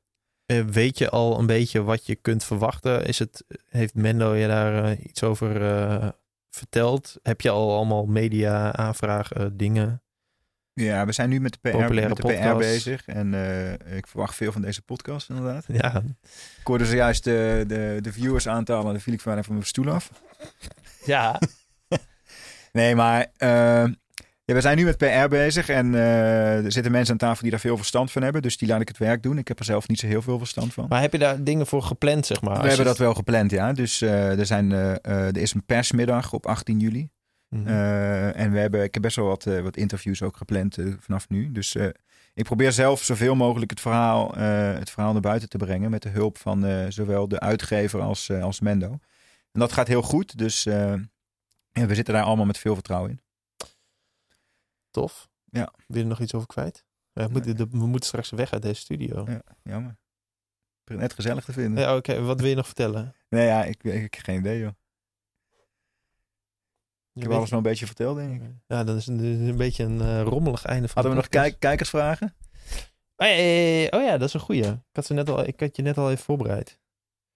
Shit, nou hoop ik dat ik het nog in, in mijn scherm heb staan. Oh ja, ik weet er nog wel een, eentje uit mijn hoofd.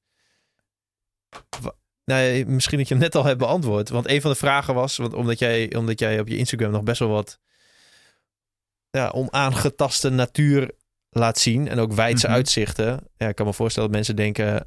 als ze in Nederland wonen en zoiets willen zien... waar ze dan... waar kan het dan dichtbij? Waar kun je Ja. zoiets zien? Of zeg je van, ja, want het hoeft, het hoeft niet onaangetast te zijn. Of het hoeft niet wijds. Nee, maar Nederland even. Ik bedoel, ik ben eh, tot eh, drie jaar geleden ben ik zelf nog nooit op de Waddeneilanden geweest. Ja, is waanzinnig. Mhm. Dus eh, ik, ik, als we echt dicht bij huis moeten zoeken, zijn er in Nederland fantastische gebieden. Ik kom zelf uit het Limburgse Heuvelland. Kom daar elke keer als ik, daar, als ik de, de A2 naar beneden rijd, dan ben ik er gewoon helemaal, eh, zit ik er wel helemaal in, weet je. Dus er zijn in Nederland heel veel mooie gebieden waar je naartoe kunt. Maar ik zou je ook zeker aanraden om naar het Canada van Europa te gaan in, het, in Zuid-Duitsland. Dat kennen ook heel weinig mensen. Is dat het Canada van Europa? ja, zo- de, de eh, het Eibzeegebied. Als je van natuur houdt, is dat zeg maar dicht bij, is best wel dicht bij huis. Zes, zeven uurtjes rijden, Mhm. net onder München. Dus ja, er zijn heel veel mooie gebieden. Je kunt ook naar, waar, waar, waar wij nu aanstaande vrijdag heen gaan in Zweden. Daar ben je met de auto ook in, eh, in een paar uurtjes. Dus er zijn, ik bedoel, je kunt Is, er... het, is het in het zuiden van Zweden? Ja, dat is in het zuiden. Net, eh, het is tussen Stockholm en Oslo. Oh, oké. Maar je kunt met een car ferry ook prachtig naar Schotland.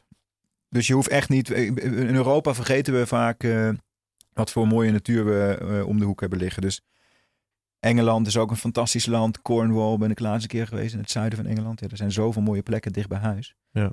Belgische Ardennen. Altijd mooi, ja. Het gaat erom hoe je naar plekken kijkt. Weet je, als je eh, ook in de natuur. Het gaat niet alleen maar om. eh, om wijdse landschappen en om groot en om epic. En eh, je, kunt ook naar, kijk naar de details. Ga wandelen in een bos bij jou in de hoek. Oh, Als het een keer geregend heeft, loop het bos in en fotografeer druppels op bladeren. Ja, Ik weet zeker dat je mega veel fun hebt. Ja dat, is wel, dat, is wel echt, dat is wel echt nice. Oké, volgende. Is, ehm, hoe lang ben je bezig met het perfecte plaatje? Misschien dat ik daar nog wel iets aan toe wil voegen. Hmm. Hoe, hoe bereid jij een foto voor? En kijk, ik kan me voorstellen dat als jij naar een eh, natuurpark in eh, Zuid-Afrika gaat, dat jij dan denkt van oké, deze, deze, deze dieren wil ik op de foto zetten. Misschien dat je dat al overlegt met zo'n ranger die dat voor jou doet. Heb je dan van wil je dan van tevoren een bepaalde manier waarop zo'n beest op de foto staat? Heb je de, of laat je gewoon alles aan toeval over? Of rij je er zo omheen dat je echt precies iets wil? Hmm. Nou ja, dieren kun je, kun je. Kijk, mensen kun je nog tegen praten en proberen te sturen. Maar dieren zijn niet te sturen. Nou ja, ik stel deze vraag ook omdat je vier foto's van, dat vind ik echt vet, vier, vier leeuwen, Mhm. mannetjes leeuwen hebt gefotografeerd. Ja. Echt recht Vijf van, inmiddels. vijf inmiddels, Ja. recht van voren. I- Ja. iedereen, iedere leeuw uit een eigen land. Waarin je dus kunt zien, het is hetzelfde beest, maar hoe verschillend zijn ze eigenlijk. Dat vind ik echt heel cool. Maar ja, die moet je wel echt van voren en Ja. ik denk van dichtbij, tenzij je Ja, dat is gewoon. een- toeter op je lens hebt. Ja, maar dat is, ja, ik, eh, er gaan altijd wel toeters mee eh, op, reis. Maar dat zijn ook gewoon vlieguren maken. Weet je, je moet gewoon meer, veel, hoe meer tijd je met die beesten doorbrengt, hoe groter de kans is dat ze in een bepaalde positie gemanoeuvreren, zich manoeuvreren waar die jij zoekt. Ja. Dus, Maar je zoekt het dus wel, zeg maar. Ja, in ieder geval voor die leeuw. nou ja, kijk, die, serie, die, serie, die serie van die eh, inmiddels nu vijf eh, leeuwenportretten, eh, waarvan ik hoop dat die gaat groeien de komende jaren. Dat is, dat is iets waarbij ik echt bewust van tevoren, als ik, stel ik zou volgende week naar eh, Zimbabwe gaan, waar ik dat nog niet gefotografeerd heb. Waar je nog geen leeuw uit hebt. Precies. Ja. Dan eh, ga je wel voorbereiden. Dan ga je eh, zoeken waar de kansen groot zijn dat je dicht bij de grond kunt fotograferen. Want dat is wel wat je wil. Je wil, niet, je, het, het- je wil op hetzelfde oogpunt zitten als zo'n beest. Ja. Dan ga je kijken welke gebieden je dicht bij die beesten in de buurt kan komen. Op een, op een verantwoorde, verantwoorde manier. Mhm. Eh, dat kan ook niet overal namelijk. Dan ga je nadenken over het licht. Hè. Dus vaak is het handig om zo'n foto niet midden op de dag te maken. Tenzij het bewolkt is of regent, dan kan het wel. Maar als het licht overdag te hard is, dus je gaat op zoek naar wat voor tijd. Dus je bent wel een planner, je plant dat wel veel. Ja. En dat geldt eigenlijk in, bij alle fotografie zo. Eh, eh, voorbereiding is wel, wel, de, is wel key, zeg maar. Maar zeker bij dieren. Kijk, wat ik net al zei, je kunt dat gewoon eh, je kunt dat niet sturen. Dus je zit ook wat mensen heel vaak onderschatten. En ik ben de eerste die toegeeft dat dat een hele grote factor speelde in mijn eh, fotografie, is geluk. Mhm. Ik bedoel, Maar gel- Dat is kijk, alles. je hebt Dat- wel meer, wat je zegt, je hebt wel meer geluk hoe meer vlieguren je maakt. Precies. Dus hoe langer je Ja. de- die camera Ja. hanteert. En hoe beter je je camera begrijpt. Want dieren bewegen snel, dieren bewegen onverwacht.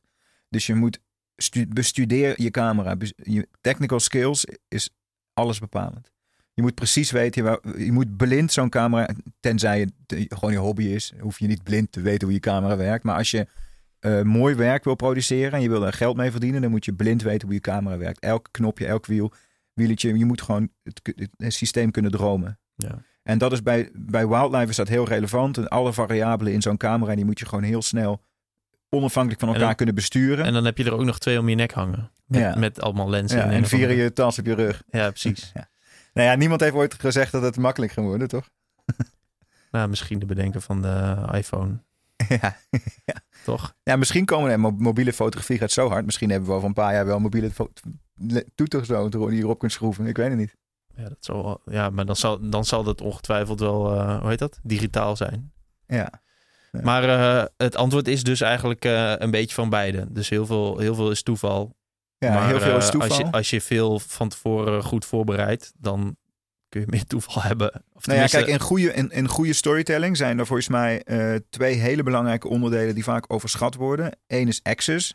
En dat is toegang. Je moet netwerk hebben, contacten, mensen. Je moet eh, eh, een ingang ergens hebben. Als jij een verha- bepaald verhaal wil maken over een bepaald dier, dan moet je wel weten wie die dieren voor jou gaat vinden. Ja.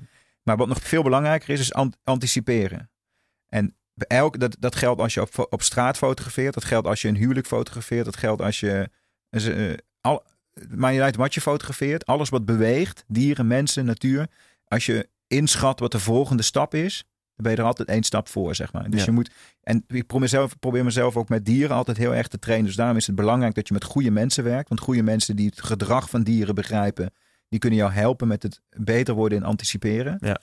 Eh, een luipaard die in een boom zit, die kan eruit klimmen of die kan eruit springen. Mhm. Ja, dat, als fotograaf is dat moeilijk in te schatten. Maar als je heel veel vlieguren maakt met die beesten en met mensen die die beesten begrijpen, dan ga je op een gegeven moment snappen en ga nu aan de achterkant eraf klimmen en niet aan de voorkant eraf springen. Ja. Snap je? En, en, daar wordt, en daar komen de beelden uit. Ja. Dus ja, dat, en dat is moeilijk, want elk dier, eh, één traumatische ervaring kan het gedrag van een dier beïnvloeden. Dus dan ben je, kun je net zo lang gestudeerd hebben met je vogelbijbel. Ja. Maar dan zit je ernaast. Ja? Dus, precies. en dan is, dus geluk is, eh, is, is bepaalt alles. Oké, nou ja, ik zou heel graag nog even verder praten, maar we moeten deze podcast afsluiten. Nou, tweede editie. Eh, ja, dan gaan we praten over het eh, enorme succes en de groei die je doormaakt als eh, fotograaf. Nee, Ja. ik vond het heel leuk dat je er was. Ik denk dat we een heel leuk, leuk, leuk onderwerp hebben aangesneden. Ja. Kijk heel erg uit naar je boek. 18 juli. Ja, ik ben, eh, wat, wat grappig is, we, we zitten nu op dit moment in Pakhuis te Zwijgen. En eh, eh, ik wil toch nog even daar ook iets over zeggen. Want ik ga in september of oktober ga ik hier ook een avond organiseren. Ja. In de grote zaal. Daar ben ik nu, daar ben ik nu over in gesprek. Waarbij Oh, we een panel talk eh, soort van met een moderator en over het boek gaan praten. Oké. Dus dan is het boek er ook. Dus dan kunnen we bijvoorbeeld ook, dan kan ik meer verklappen over de verhalen. Dus dan gaan we ook dieper in op eh, eh, hoe verhalen tot stand zijn gekomen. Dan is er ook ruimte voor Q&A's. Dus dan daar gaan we het publiek bij betrekken.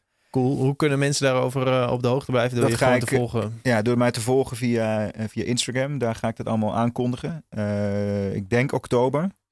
En er is plek voor eh, 150 man, geloof ik. Dus het zijn, dit wordt echt een groot evenement. Ja, dat is wel Dus het is wel leuk om even in de gaten te houden via sociale kanalen. Nice. Anders nog iets? Helemaal niet. Dat was hem. Piaarts op eh, Instagram. Zat er nou een punt tussen? Nee, een eh, underscore. Pilaagstreepje aarts. A-E-R-T-S. Ja. Toch? Ja. Oké, ja, bedankt voor je aanwezigheid. Eh, mensen, Graag bedankt voor het luisteren. En tot de volgende keer.